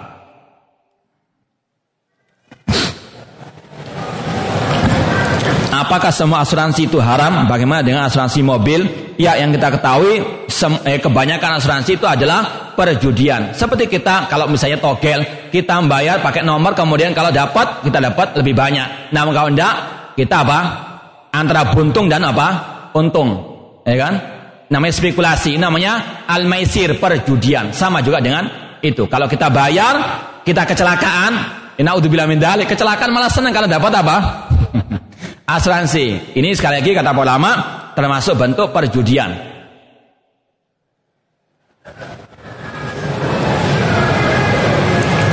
Suami saya mencari nafkah kurang gigi sehingga hidup kami masih dibantu orang tua. Bagaimana menasihati suami yang demikian? Ya terus kita mendoakan eh, suami tersebut untuk mendapatkan hidayah dan kita sampaikan bahwasanya kewajiban suami ar-rijalu qawwamun 'alan nisa bima faddala al-ba'd 'ala ba'din wa bima anfaqu min amwalihim. Harus semangat dalam apa? Menafkahi keluarga karena itu kewajiban seorang suami yang itu akan diminta pertanggungjawaban pada hari hari kiamat. Kullukum ra'in wa kullukum mas'ulun an an ra'iyatihi. Ya, makanya kita contohkan. Jadi kepala rumah tangga saya tidak becus, apalagi eh, ya nggak mudah jadi pemimpin.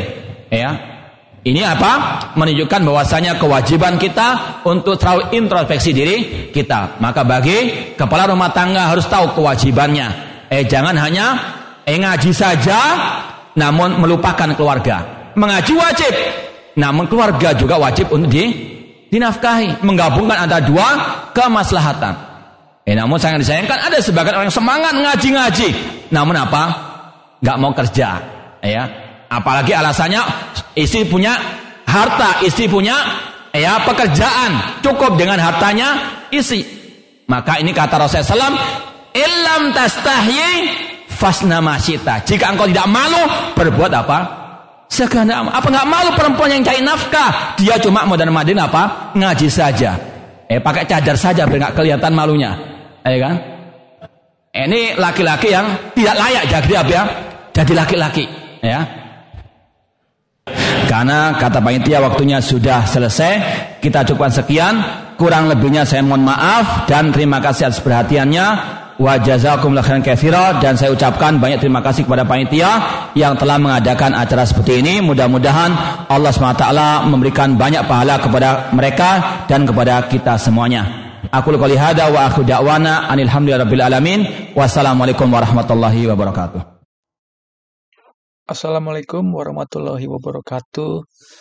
Para pendengar podcast Dakwah Sunnah Tauhid, jangan lupa share atau bagikan podcast ini ke saudara dan teman-teman kamu. Insya Allah akan menjadi pahala jariah buat kita semua. Amin ya robbal alamin.